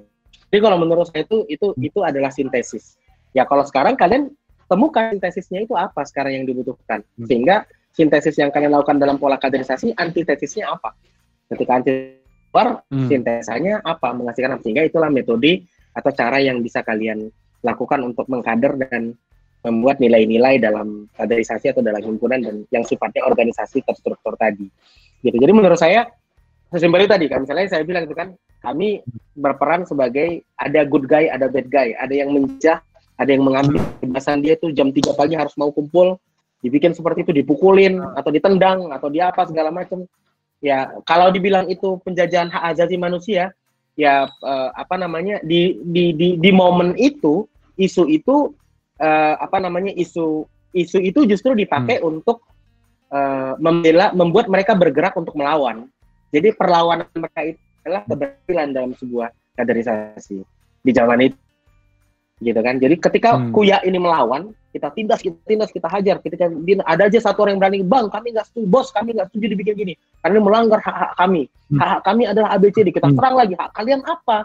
Lu kenapa begini? segala hmm. jadi sama kayak kondisi waktu saya pernah dihadapkan sama angkatan 91 saya 98 saya 91 91 namanya bang Roberto Barus saya masih ingat tuh. Saya disuruh apa namanya hitung bintang. Kamu hitung bintang kan saya itu malam-malam nih kan disuruh datang jam 2 pagi. Saya hitung gimana cara hitung bintang ya kan pasti nggak bisa gue hitung gitu kan. Setiap 15 menit dia datang kok hitung berapa bintangnya aduh bisa jauh. Akhirnya saya muncul ide liar. Dia setelah 30 menit datang lagi. Berapa bintangnya? Udah kau hitung sekarang gitu. Udah bang. Siap eh, siap bos. Sudah bos. Gitu kan. Berapa bintangnya jumlahnya? 145.431. Hah? Dari mana kau tahu 143.451 jumlah bintangnya? Katanya kayak gitu kan? Ya kalau bos nggak percaya, bos hitung sendiri saya bilang. Dapat Dapat Wah itu habis saya. Tapi ada satu nilai. Ketika sampai uh, saya dihabisin di situ, tapi pada akhirnya ketika kita evaluasi, jadi kumpulin satu angkatan lagi sama dia, dia bilang ini, saya salut sama satu orang. Itu si Hokop itu. Dia ternyata punya hmm. nilai. Nilainya itu adalah, atau cara dia membela diri adalah, saya disuruhnya berhitung sendiri. Itu adalah model perlawanan katanya. Kalian harus bisa melakukan bentuk-bentuk perlawanan yang memiliki dasar. Tapi kalau kalian tidak memiliki hmm. dasar, ucuk-ucuk langsung bilang ini menentang HAM dan menentang eh, enggak, enggak, enggak bisa juga. Masyarakat tidak mengenal itu. Banyak kok masyarakat di luar sana yang enggak ngerti tentang konsep hak asasi manusia yang akhirnya dibatasi, tertekan, ditindas, semena-mena, ya kan? itu banyak banget terjadi di luar sana dan kita ya we're simply an, an organization yang membuat simulasi. Ya jangan lupa juga kaderisasi itu jangan baper ya. Kaderisasi itu hmm. adalah simulasi. Itu bukan perlu baper. Pernah kejadian seperti itu, baper banget nih gitu kan. Ya, jangan jangan. Cepat sadarkan kader kita itu kalau ini adalah simulasi besar yang kita lakukan untuk nilai-nilai tertentu. Makanya setiap ada kaderisasi pasti ada malam perenungan. Ada ada uh, ketua himpunan bicara di situ, ketua kaderisasi, mentor-mentor bicara di situ ya. Itu itu itu bisa kalian lakukan. Jadi konsep-konsep itu sebenarnya sudah klasik banget ya gitu. Dan itu bisa diterapkan sampai sekarang secara metodologik gitu. Oke bang. Nah itu ada pertanyaan nih bang. Di kolom komentar nih biar bisa dibacain juga. Dari oh, cewek kan ini kan? Iya cewek. Punten bang kenalin nama cewek lah cowok mulu okay. yang Pertanyaan tentang kaderisasi nih, kaderisasi yang berlaku sekarang sudah berubah banget dari dari yang dulu bang. Tidak ada lagi kekerasan yang diperbolehkan. Menurut bos bos nih, dengan metode yang dilaksanakan apa sih yang jadi tantangan bagi kami jika materi yang ingin dicapai sama seperti dulu? Contoh solidaritas dan nasionalisme. Sedangkan rasa tersebut tadi abang sebutkan timbul dari rasa rasa saling tertindas secara bersama. Oke bang, bisa banget ditanggapi nih bang. Hmm, sebenarnya kalau menurut saya kekerasan itu, kasus yang sifatnya kekerasan itu, ya balik lagi, itu kan metodologi ya. Sebenarnya inti dari ketika dia oppress, ditekan, dia kan interaksinya kan semakin kerap terjadi. Jadi sama kayak teori pemampatan atau apa namanya itu, eh, apa namanya itu kalau misalnya ruang terbuka itu apa namanya, eh, luas permukaan sentuhan gitu ya. Kalau dalam teorinya Bernoulli kan ada luas permukaan sentuhan kan tipe kapiler. Nah, kalau di situ kan apa namanya eh, sebenarnya membuat interaksi itu semakin sering. Jadi konsep kekerasan yang menghasilkan interaksi yang sering itu bisa diganti dengan konsep yang memaksimalkan bentuk uh, apa namanya bentuk interaksi gitu. Jadi semakin sering orang berinteraksi. Jadi kayak gini. Misalnya aku hmm. sama temanku nih jalan berdua, tiba-tiba kami kecelakaan. Nah, sehingga karena kecelakaan itu kami jadi semakin dekat, ya kan? Hmm. Ngerti kan? Tapi konsep kecelakaan ini bisa diganti dengan kami sering banget berbagi. Gitu. Hmm. Walaupun kekerasan itu sifatnya itu cepat. Tapi berbagi ini lama prosesnya. Gitu. Tapi kalau kita lihat kekerapan interaksi itu ternyata nilainya itu lebih solid daripada kejadian kecelakaan. Gitu. Jadi lebih permanently bisa berhasil. Gitu loh. Hmm. Kalau yang sifatnya itu lebih sering berinteraksi. Jadi kalau menurut aku lawan dari konsep kekerasan itu adalah memaksimalkan pola interaksi. Hmm. gitu. Jadi mereka ketika mereka berinteraksi semakin sering kan ada friksi yang segera mereka hadapi caranya bagaimana. Terus ada konteks uh, tugas misalnya dibikin banyak bagaimana mereka cepat hmm. untuk bisa menyelesaikan itu. Jadi banyak simulasi-simulasi yang bisa dilakukan yang tidak hmm. semata harus pakai konsep kekerasan.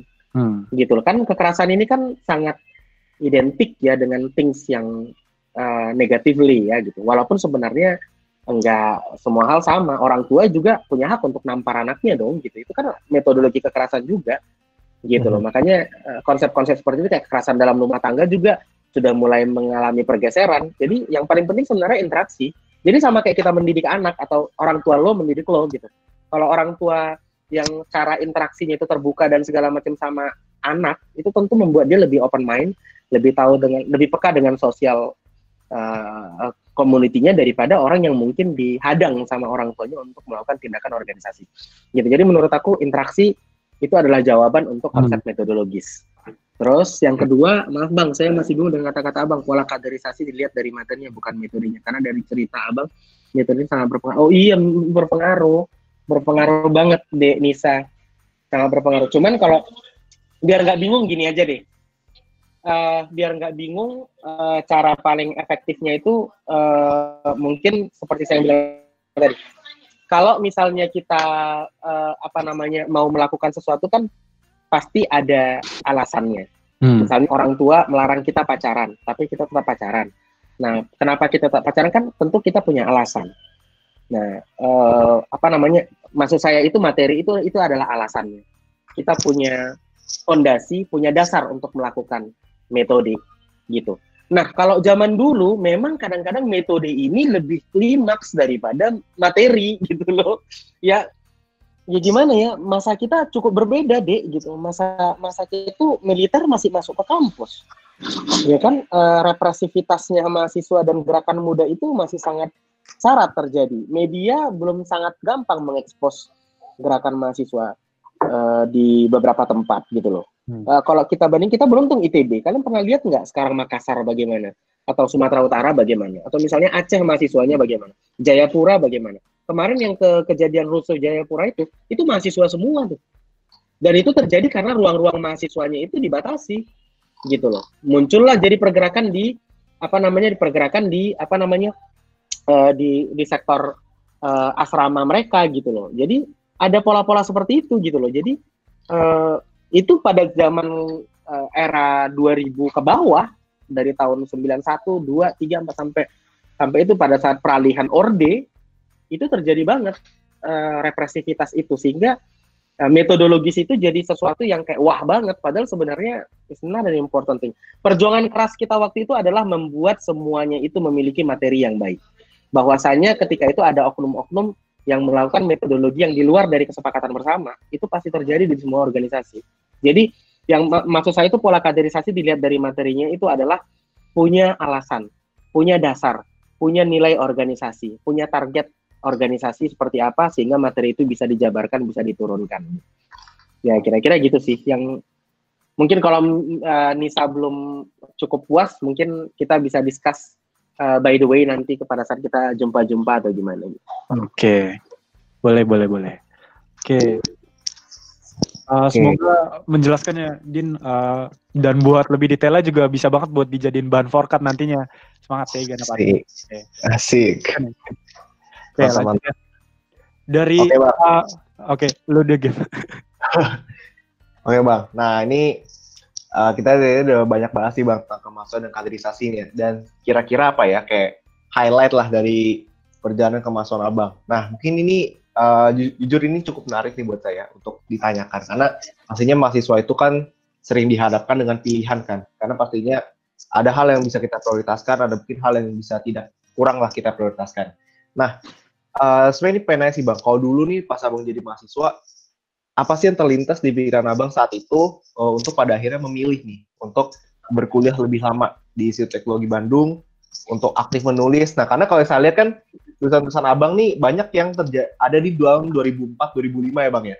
Nah, jadi saya penasaran nih, itu kan sebenarnya udah cukup apa ya lama lah ya bang ya dari tahun 98 pas abang masuk ke ITB. Nah, apa sih yang terjadi saat itu? Kenapa uh, justru abang milih untuk lebih lama uh, menimba ilmu di sini dan pada akhirnya justru di tahun-tahun terakhir itu malah aktif nih untuk berkemahasiswaan untuk menulis gitu boleh bang di share ceritanya Aduh, memilih untuk lama kuliah itu bukan pilihan deh. Please don't do it. Gitu. it happen when it happen gitu. Enggak, enggak, enggak. I'm not choosing it at that time. I'm not choosing it. I'm not choosing to be a writer. Itu cuman mungkin ada orang talentanya dibeli diberi lebih atau uh, aktivitasnya diberi lebih atau misalnya ada ada saya waktu itu masih kerja kok masih masih uh, bisnis juga waktu waktu kuliah-kuliah di tingkat 2 3 tahun terakhir. Terus kerja sama-sama dosen. Ya ingat banget almarhum Pak Iwan Krida Sentosa itu dosen pembimbing saya sekaligus dosen yang paling aktif memberikan saya proyek. Satu bulan sebelum beliau meninggal itu masih whatsappan sama saya. Jadi ya inanilahi beliau sudah sudah di alam baka bersama uh, Tuhan. Jadi kalau menurut saya tuh itu adalah kisah-kisah yang nggak bisa saya lupain. Tapi kalau misalnya di, dibilang saya memilih untuk uh, lama kuliah, it's not actually saya nggak pernah memilih untuk itu ya. Uh, dan aku rasa kalian pasti juga tidak akan pernah memilih. Memilih untuk drop out segala macam itu, itu menurut saya bukan pilihan. Pilihan itu ya belajar gitu. Belajar atau tidak belajar. Orang yang drop out mungkin ya karena uh, udah dipaksa belajar nggak mau belajar juga ya kali kan.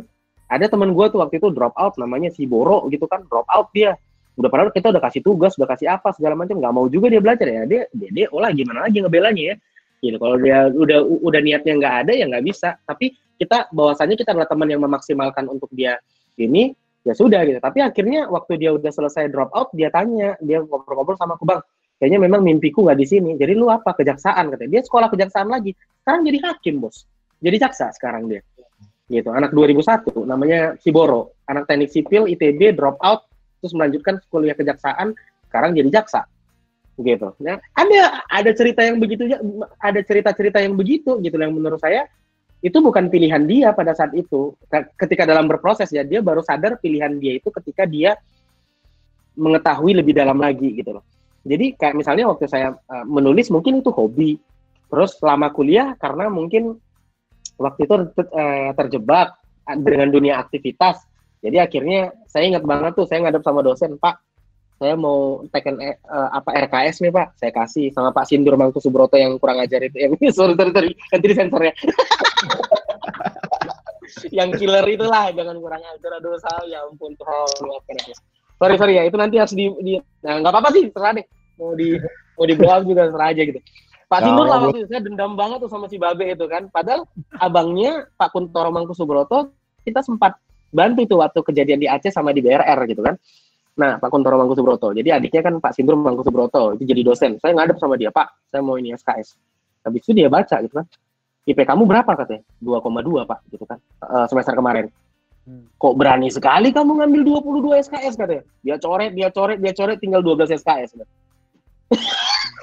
ya, masa dibilang saya memilih? Kan nggak memilih. Jadi artinya ada faktor di mana ada konsekuensi logis ketika saya memilih organisasi pada saat itu. Akhirnya uh, dengan sendirinya saya harus berkorban dengan dengan dengan masih begitu kok beliau sampai sekarang.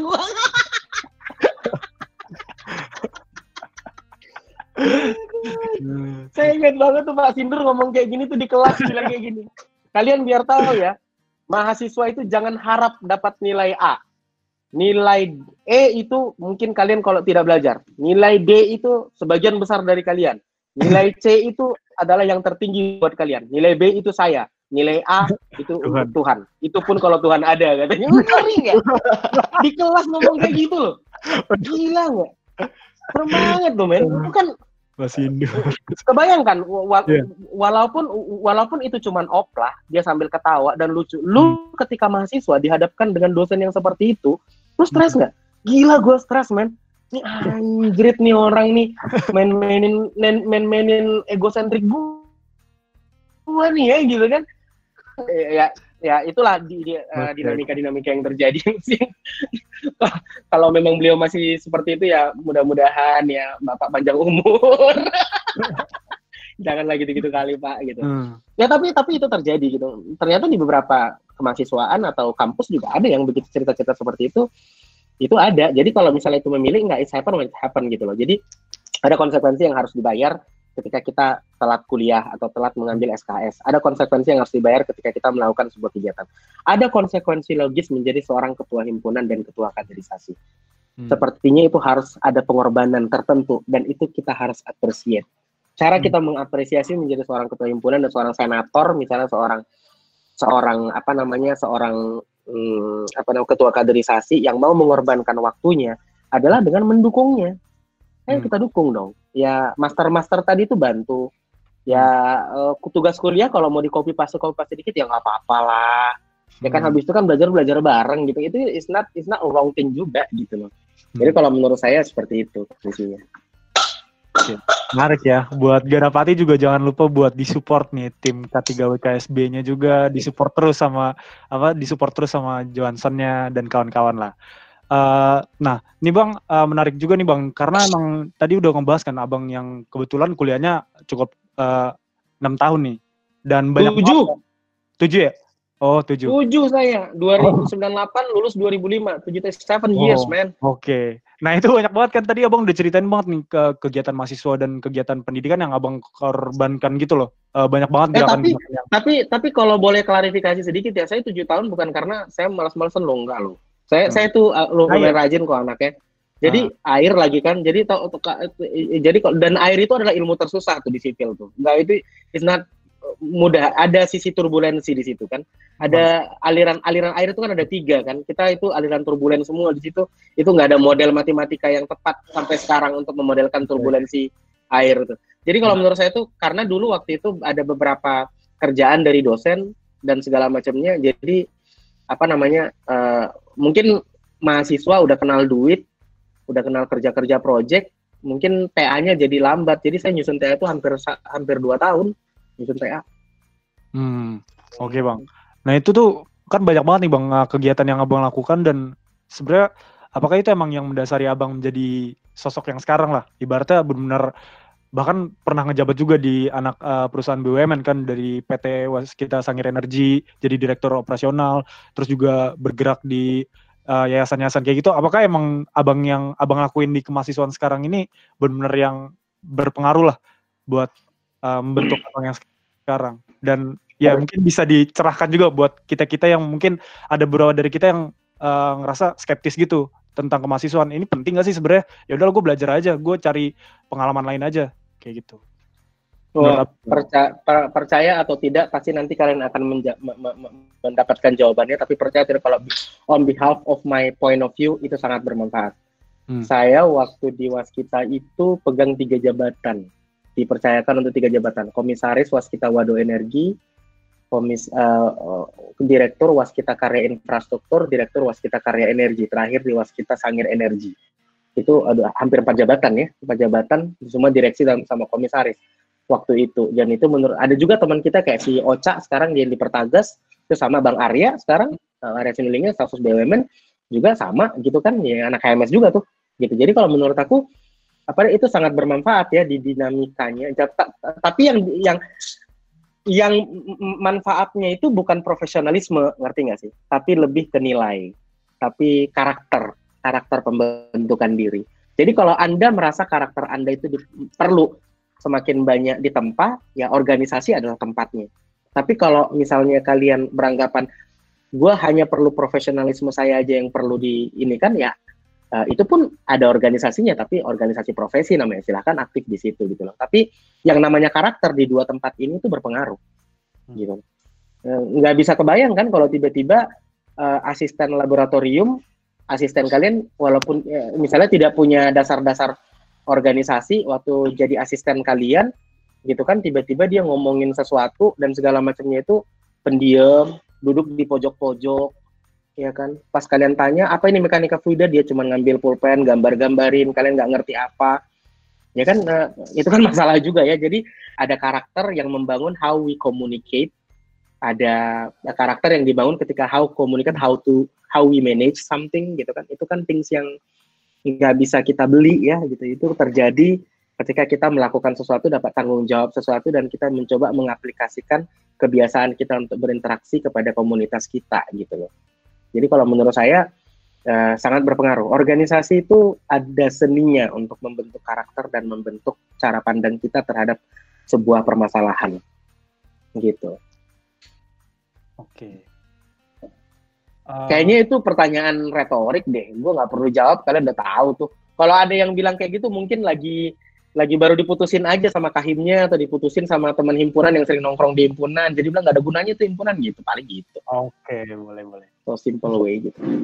Bahkan sebenarnya harusnya di pikiran kita itu itu pertanyaan yang sangat retoris sih bang. Sebenarnya emang kemahasiswaan ya sangat seperlu itu. Jangan sampai kayak ada rasa skeptis lagi di uh, kemahasiswaan kayak gitu oke okay. okay. lanjut uh, ke ini sebenarnya nyambung juga sih bang ke pertanyaannya dari Agi Nah, gini dari HMS angkatan 2017 dia nanya e, kenapa cinta banget sama HMS? Apa yang buat bos cinta sama HMS? Dan pernah nggak sih dikecawin sama himpunan sendiri? Gimana bang? kalau kalau kalau kalau nggak cinta pasti nggak akan kecewa. Iya kan? mana ada mana ada orang yang kecewa padahal dia nggak cinta nggak ada itu kan.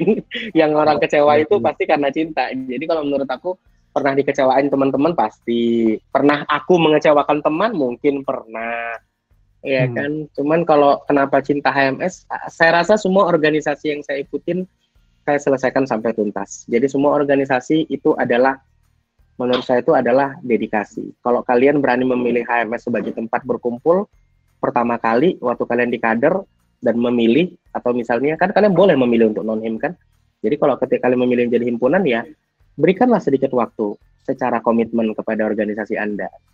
Hmm. Uh, bahwasanya ada orang-orang tertentu yang bisa memberikan ruang lebih banyak, uh, bukan berarti dia jauh lebih cinta daripada orang yang memberikan waktu lebih sedikit. Enggak. Kecintaan itu kan subjektivitas ilahi, nggak bisa kita nilai. Belum tentu juga Hokop ini cinta sama HMS. Lebih cinta Hokop sama HMS daripada orang yang mungkin cuma meluangkan sejam atau setengah jam seminggu ke HMS belum tentu juga gitu. Jadi tapi yang pasti itu bisa dinilai dari uh, apa namanya seberapa besar dampak kita kepada organisasi. Gitu. Kalau organisasi ini kita yang kita ikuti kita merasa walaupun kita ngasih waktu setengah jam tapi memiliki dampak yang luar biasa, saya rasa itu udah perwujudan cinta kita kepada organisasi. Jadi eh, kita jangan jangan langsung dikotom, jangan langsung mendefinisikan kalau orang ini nggak cinta sama AMS, orang yang nggak datang ke himpunan nggak cinta sama itu mungkin how they manage aja. Tinggal ya kembali kayak organisasi di HMS itu kan ada ketua, ada apa? Coba bikin jejaring komunikasi sebanyak mungkin mengakomodir kapasitas-kapasitas building yang ada di himpunan yang bisa kita interaksikan sama-sama. Semakin banyak bikin pola gerak dan segala macamnya itu mungkin cinta uh, waiting tresno jalaran soko kulino katanya kan ya kan ya, rasa itu sih jawaban yang tepat oke okay. uh, eh, ini jadi masih berkaitan sih bang sama pertanyaan Agi jadi kalau buat bang Hokop sendiri nih seorang uh, bang Hokop Situngkir sebenarnya apa sih bang makna kemahasiswaan dan makna berHMS ITB buat abang pribadi gimana sorry makna berkemahasiswaan dan makna ber-HMS versi Bang Hokop Situngkir. Makna. Hmm, belajar. Buat saya itu berorganisasi itu belajar. Jadi ada orang di partai, menurut saya dia lagi belajar. Tempat bermainnya DPR gitu misalnya, atau tempat bermainnya itu adalah gerakan-gerakan organisasinya. Itu tempat bermain. Jadi kalau berorganisasi menurut saya itu adalah hmm. belajar. Gitu. Jadi buat saya di semua tempat itu adalah belajar. Waktu di HMS sangat menguntungkan. Saya punya banyak waktu untuk belajar. Jadi banyak hal yang baru di HMS tuh banyak hal yang baru. Karakter orang pertama kali saya lihat beraneka ragam di situ. Saya rasa sampai sekarang anak himpunan mahasiswa sipil kan dari Sabang sampai Merauke ada ya perwakilannya pasti lah ya gitu. Ya kalaupun nggak ada nggak satu nggak 34 provinsi pasti 80 persennya pasti ada. Nggak mungkin enggak gitu. Jadi kalau menurut aku Eh, kita bertemu sama ragam orang, ragam cara pandang itu nggak bisa dibeli dan itu dinamika perbedaan yang paling utama yang paling bermanfaat saya rasakan saya dapatkan jadi kalau menurut saya itu itu pola pembelajaran yang luar biasa bagaimana saya bertahan dengan ide saya itu bisa bertentangan dari banyak cara berpikir dan saya menang itu adalah nilai plus tapi saya menghargai perbedaan itu adalah something tapi ketika kita menang dalam sebuah perdebatan itu uh, good things gitu loh jadi ya menurut saya itu adalah ruang belajar gitu. Jadi makna berorganisasi di HMS buat saya itu adalah belajar.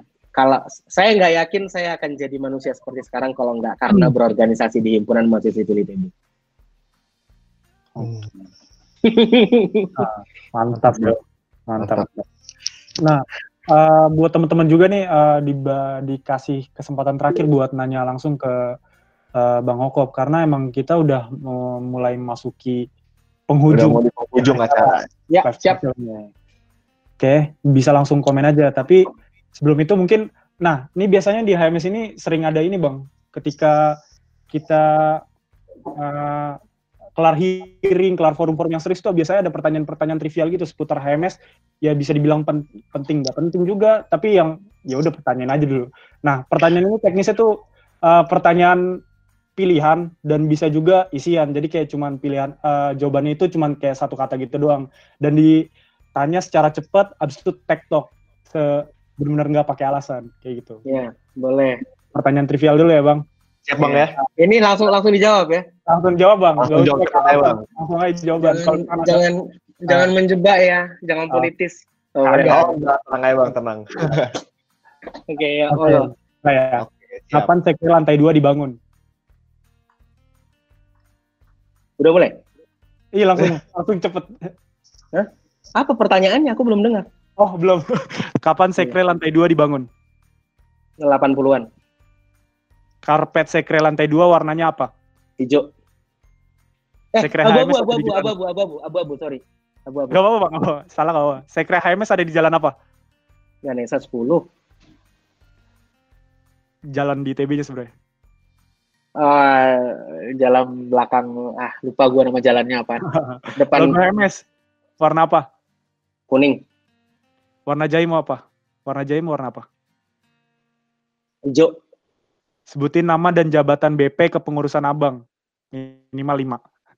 Oh, Dendi Pratama, ketua himpunan, sekumnya si eh, Edwin, Edwin Sutano Huta- eh, Su- Sutano Jaya, eh, BRT-nya Bang apa namanya itu si, eh, si Bang yang kata 97 lupa namanya Bang Jeffrey terus habis itu senatornya saya terus habis Hmm. itu eh eh, kadif organisasi eh Firdausi sama Ahmad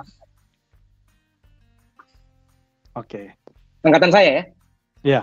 Dah. ketua Oke, ketua lanjut. kaderisasinya Bokep Andi Bokep Oke, lanjut bang. Eh, Bu Herlin atau Sri Pak Sri Legowo? Halo. Erlin Berapa jumlah anak tangga sekre? Kima kalian juga ngitung anak tangga kurang ajar kalian ini ya. Pusat kalian semua. Oke lanjut bang. Siapa nama asli Manggo? Apa? Siapa nama asli Manggo?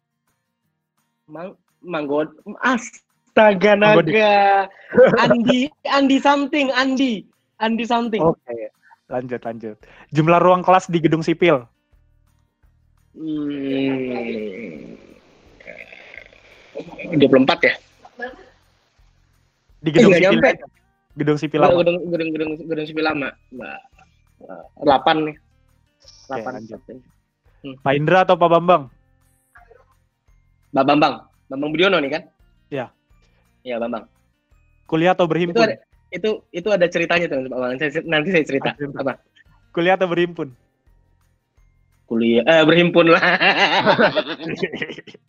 Ngapain Siapa kuliah? nama ketua himpunan HMS yang sekarang? Alif, Oke. Pak Afiar atau Pak Rizal? Rizal. Sebutin tanggal, bulan, dan tahun lahirnya HMS. Ayo bang, coba. Kalian ini kayak kayak PSBB P- P- PSBB aja. Apa? Tanggal berapa ya? Gue lupa ya, sumpah. Yang Oke. pasti ter- iyalah, ya itulah tanggal segitulah ya. Oke. Lupa. Satu kata buat HMS. Maju terus. Ma- satu kata Satu kata. kebersamaan. Asik. Asik. Oke bang. Ini karena tadi pas pertanyaan trivial juga ada yang sempat nanya juga nih bang dari Galih. Eh, pertanyaan terakhir mungkin ya dari sesi ini. Selamat siang bang Hokop dan teman-teman HMS. Kenalin eh, ya saya Galih. Eh, minta diceritain eh, keseruan budaya-budaya non formal HMS zaman dulu bang kayak yang tadi sempat disinggung tentang PGT budaya koran atau mungkin juga cerita-cerita keseharian di sekre HMS saat itu bang oke Wah, saya mungkin bisa kasih juga, mungkin saya bisa, bisa juga kasih. disambung- disambungin sama ini bang yang cerita bang Pak Bambut itu tadi Pak Bambang ya, saya saya bisa kasih sampai 100 sampel tuh ya pertanyaannya nih. Oke. Dari mulai pertama main karambol, main bola, terus eh, apa ribut-ribut soal kaki bau, terus habis itu rebutan apa misteri misteri hilangnya remote TV, terus itu banyak banget tuh. Terus habis itu eh, misteri hilangnya teh botol. Terus habis itu banyak banget non formalnya ya, apalagi terus kalau non him masuk ruangan itu ditendang disuruh keluar. Terus habis itu apa lagi ya? Eh, ospek tiba-tiba hilang satu orang diculik sama swasta. Terus habis itu sekarang bukan kaki lagi udah banyak banget yang bau eh, rebutan rebutan rebutan kompi di himpunan untuk bikin tugas terus habis itu tiba nginap-nginap di himpunan apa ladies night ladies night di himpunan Habis itu minum bareng. Aduh, kita minum punya ritual dulu dong minum alkohol dong. Itu kurang ajar banget di himpunan. Aduh, sampai BP-nya sampai BP-nya ngamuk-ngamuk ya kan ngapain minum di kampus gitu. Baru Mang Godek nggak bayar, nggak bayar minyak Bang Godek ngutang sampai ratusan ribu. Terus fotokopian goda-godain mbak-mbak tukang fotokopian setiap naik tangga itu selalu godain halo adek gitu. Terus habis itu kan bolong tuh ya yang di samping itu kan bolong. Kan mbaknya dulu cantik waktu zaman kami jadi selalu kami godain. Tempat temen gue juga ngantar pulang tuh orang aja tuh orang. Terus habis itu apa lagi ya? Misteri goyang-goyangnya apa namanya lemari besi. Itu mau tiba-tiba goyang pas jam 2 pagi dia bilang duduk-duduk sendiri. Ya ampun kurang ajar banget terus habis itu kedipan mata lambang HMS dari kejauhan itu cerita horor tuh. Matanya berkedip loh katanya begitu. Terus nembak cewek di apa bunderan apa namanya bunderan depan himpunan itu. Nembak cewek tiba-tiba pagi-pagi udah banyak bunga dari situ rupanya malamnya ada yang nembak cewek di situ. Terus habis itu waduh banyak banget ospek juga. Banyak banget lah.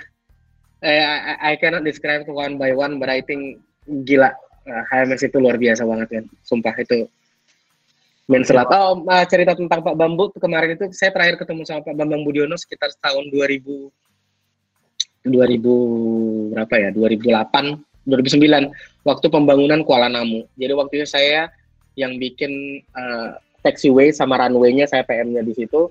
Jadi waktu itu dia datang, eh, kamu kan anak sipil? Oh iya Pak, salam Pak, hormat, gue bilang itu. Karena dia dosen kan pasti inget, saya juga ingat banget sama beliau. Ngapain kamu di sini katanya kan? Saya lagi ini Pak, kerjain proyek kan, bahkan saya PM-nya di sini. Oh gitu. Nanti kan kita, kami ikut rapat, rapat ini, uh, rapat PM-PM semua ini, uh, uh, apa namanya, outsourcing company gitu. Oh ikut Pak, saya saya nanti yang ini Pak, saya ikut speech nanti di situ Pak, untuk progres pekerjaan. Oh gitu ya? Oke, okay, kamu ngapain kamu kerjain di sini? Ini apa? Jadi pasir kan itu kan kita bikin itu landasan pesawat terbang itu kan itu konsolidasi sempurna ya. Jadi konsolidasi sempurna itu nggak bo boleh pakai compact, tapi kita harus bikin kita timbun tanah, kita biarkan dia terkonsolidasi uh, seiring dengan berjalannya waktu. Setelah tiga bulan kita pindahin lagi tanahnya. Ya. Jadi nanti setelah uh, pas Waktu pertama kita timbun tanah sekitar 30 meter, baru habis itu setelah 30, 30 eh, 3 bulan kita biarin, kita pindahin lagi tanahnya ke tempat yang belum belum konsolidasi sempurna. Sehingga dia uh, settlement consolidate-nya itu itu uh, sempurna gitu loh. Itulah konsep pekerjaan di Kuala Namu karena untuk landasan pesawat terbang kan. Jadi itu konteksnya. Jadi waktu itu udah selesai lah kami diskusi. Oh itu kerjaan kamu sekarang ya? Iya pak, ini kerjaan saya sekarang. Oke. Okay. Habis itu rapat lah, pas rapat langsung dia bilang, ini giliran siapa sekarang? Saya buat ini di PP uh, eh, mewakili uh, eh, SBP di PP Lampiri. Ini kamu, ini junior saya nih, ini anak anak didik saya nih, namanya Hokop nih, gitu kan. Kamu kan ngomong sekarang, ya Pak, siapa? Saya bicara Pak. Saya terangkan konsep metodologi kerja, bla bla bla. Udah bagus lah nih, hebat. Nah selesai saya duduk, baru cuma satu komentar dia. Saya bingung ya kerjaan kamu ini, sebenarnya kamu nggak perlu S1 dari ITB, kamu ngerjain kayak ginian, ambil tanah, tumpuk, bongkar lagi, ambil tanah, tumpuk, bongkar lagi. Itu kerjaan anak TK. Ngapain kamu di sini katanya? Wih, itu saksi saya malu banget. Oke. ya walaupun bercanda ya, habis itu habis keluar itu dia ketawa-ketawa udah ya, jangan masukin hati enggak lama itu lucu-lucuan aja gitu. Jadi itu pengalaman saya terakhir sama Pak Bambang Budiono karena dia waktu itu jadi tim ahli untuk pembangunan struktur Kuala Namu. Sempat mungkin di hire beberapa bulan sebagai hmm. tenaga ahli struktur waktu itu. Jadi saya sempat ketemu beliau di situ. Ada beberapa dosen lagi yang sempat ketemu. Pak Dance, Dance ya? Dance tahu ya? Hmm. Tahu tahu. Pak Pak Dance sekitar satu tahun yang lalu kami kerja bareng tentang di Waskita itu saya ada kerjaan bareng, saya minta bantu beliau untuk sudut pandang dari segi akademik untuk sedimentasi pada uh, pembangkit listrik tenaga hydropower plant itu bagaimana konsepnya dan kita sama-sama diskus sama saya kantor dia sampai berulang-ulang uh, diskusi dan segala macamnya. Walaupun ini, ini dosen juga Texas banget kan nggak pernah masuk kan. Hmm. but it, okay. but it's good, it's actually good. Oke. Okay. Smart one. Bang ada ini bang request dari Adon namanya yang dari angkatan 17 request ceritain pengalaman horor dulu bang di sekre cerita-cerita horor ya. ada nggak bang? Waduh ya itu tadi itu apa namanya uh, yang lemari. lemari lemari besi itu itu jam 2 tiap hari Jumat itu gerak-gerak sendiri bos. Sumpah nggak bohong oh. saya TV nyala sendiri. Wih, itu uh, this is horror banget sumpah. Itu kampret kalau itu orang yang mengerjain itu orang sukses banget ngerjain gue sumpah. Satu himpunan bukan cuma hmm. satu himpunan dikerjain sama dia. Gila sakit. Oke okay, bang. Oke. okay.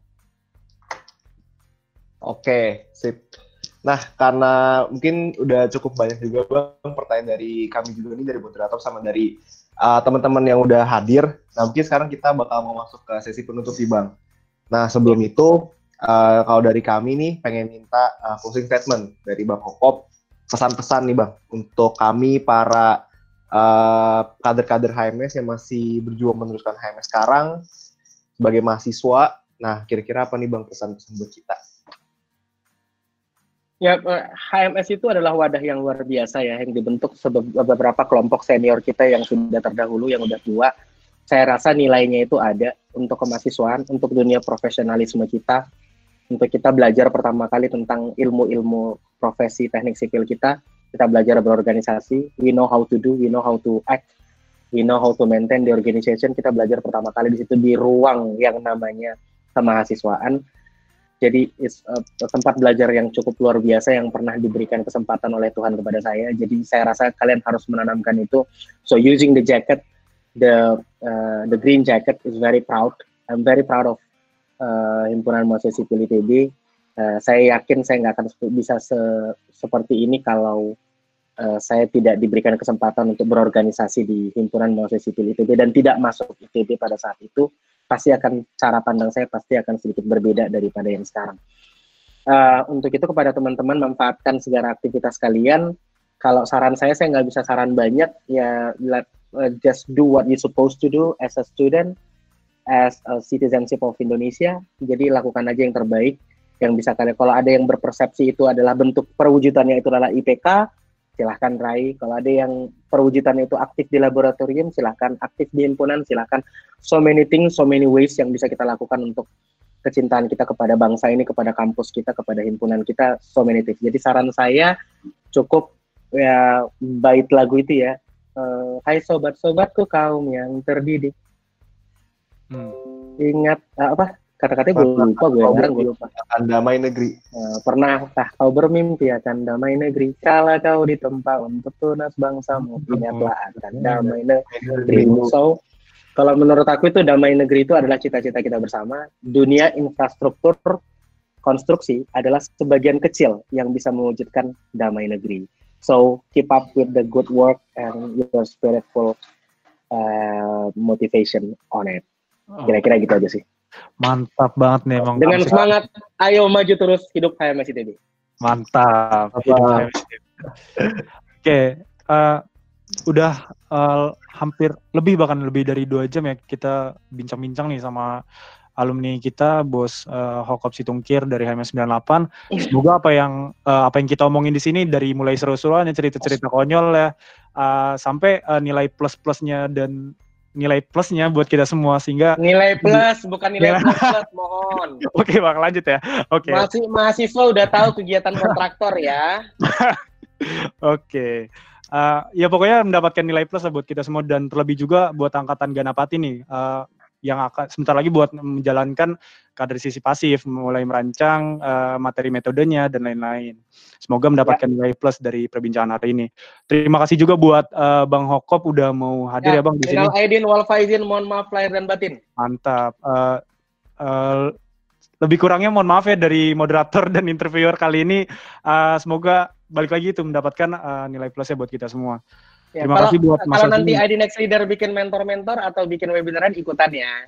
Siap, siap. siap. Oke. Nah, tadi juga sempat ada 92 orang gue pengen ngucapin sebesar-besarnya buat teman-teman semua yang udah meluangin buat hadir di webinar inilah. Uh, sehat-sehat selalu. Terima kasih semuanya. Kalau kata Bang Dedi, 3 2 1 close the door. Asik. Oke. Okay.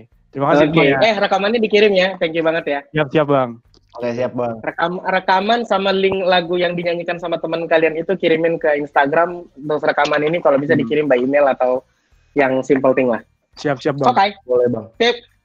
Thank you banget Pak Moderator, Pak Kahim, Pak Ketua Kaderisasi, Senator yang ada sekarang, dan semua teman-teman HMS. Keep up the good work, keep productive and optimistic. Thank you.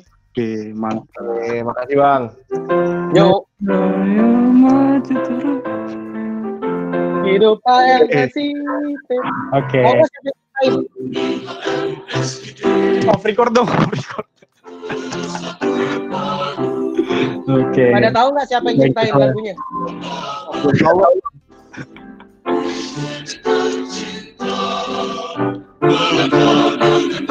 Okay. Meraih cita-cita.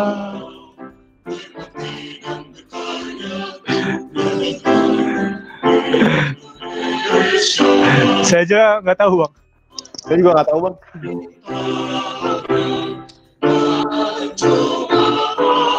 Saya tahunya lagu Patani bang. Sujiwo Tejo itu pengarang oh, lagu Marta MS. Ah, ah, yes. Pak Sujiwo Tejo, Bang Sujiwo Tejo. Bang ini kita kayak bisa sampai maghrib lagi ngobrol-ngobrol. ini mungkin. Yes. Yang menciptakan lagu Mars HMS ITB itu itu Sujiwo Tejo, seniman yang terkenal sekarang di ILC. Itu pencipta lagu Mars HMS ITB. Gak percaya oh, tanya sendiri. Ya, soalnya saya juga sempat tahu sih dia emang dulu sempat sipil ITB juga kan dan pindah ke matematika yeah. terus malah yes, ya, yes. Zaman dulu kan boleh pindah satu tahun kuliah di mana pindah jurusan itu boleh. Fun fact nih, bisa nambah satu yeah. pertanyaan trivia nanti buat. Asli. Tujuh itu juga pengarangnya. Itu fix itu. Nggak, nggak ada yang bisa nyalahin itu. Emang dia yang ciptain. Yang angkatan berapa sih bang dulu bang? Wah, 70 ya. 70 something something atau Pak. Hmm. Tapi aku terakhir ketemu sama dia kapan ya? Dua setahun tahun yang lalu lah. Ngobrol-ngobrol tentang himpunan juga. Tapi uh, apa namanya cerita tentang pergerakan pemuda ya gitu. Hmm. Waktu dia dulu gimana? Cerita lah kami kumpul-kumpul. Hmm. Ada Benny Yusron, ada aku, ada siapa, ada Bang Arya juga segala macam. Ketemu sama dia ngobrol-ngobrol. Oke bang. Oke, okay, aku udah boleh live ya? Oh boleh bang. Makasih banget bang. Okay. Makasih banget bang ya. Thank you ya. Thank you udah makan waktu dan ninggalin menteri. Sip sip.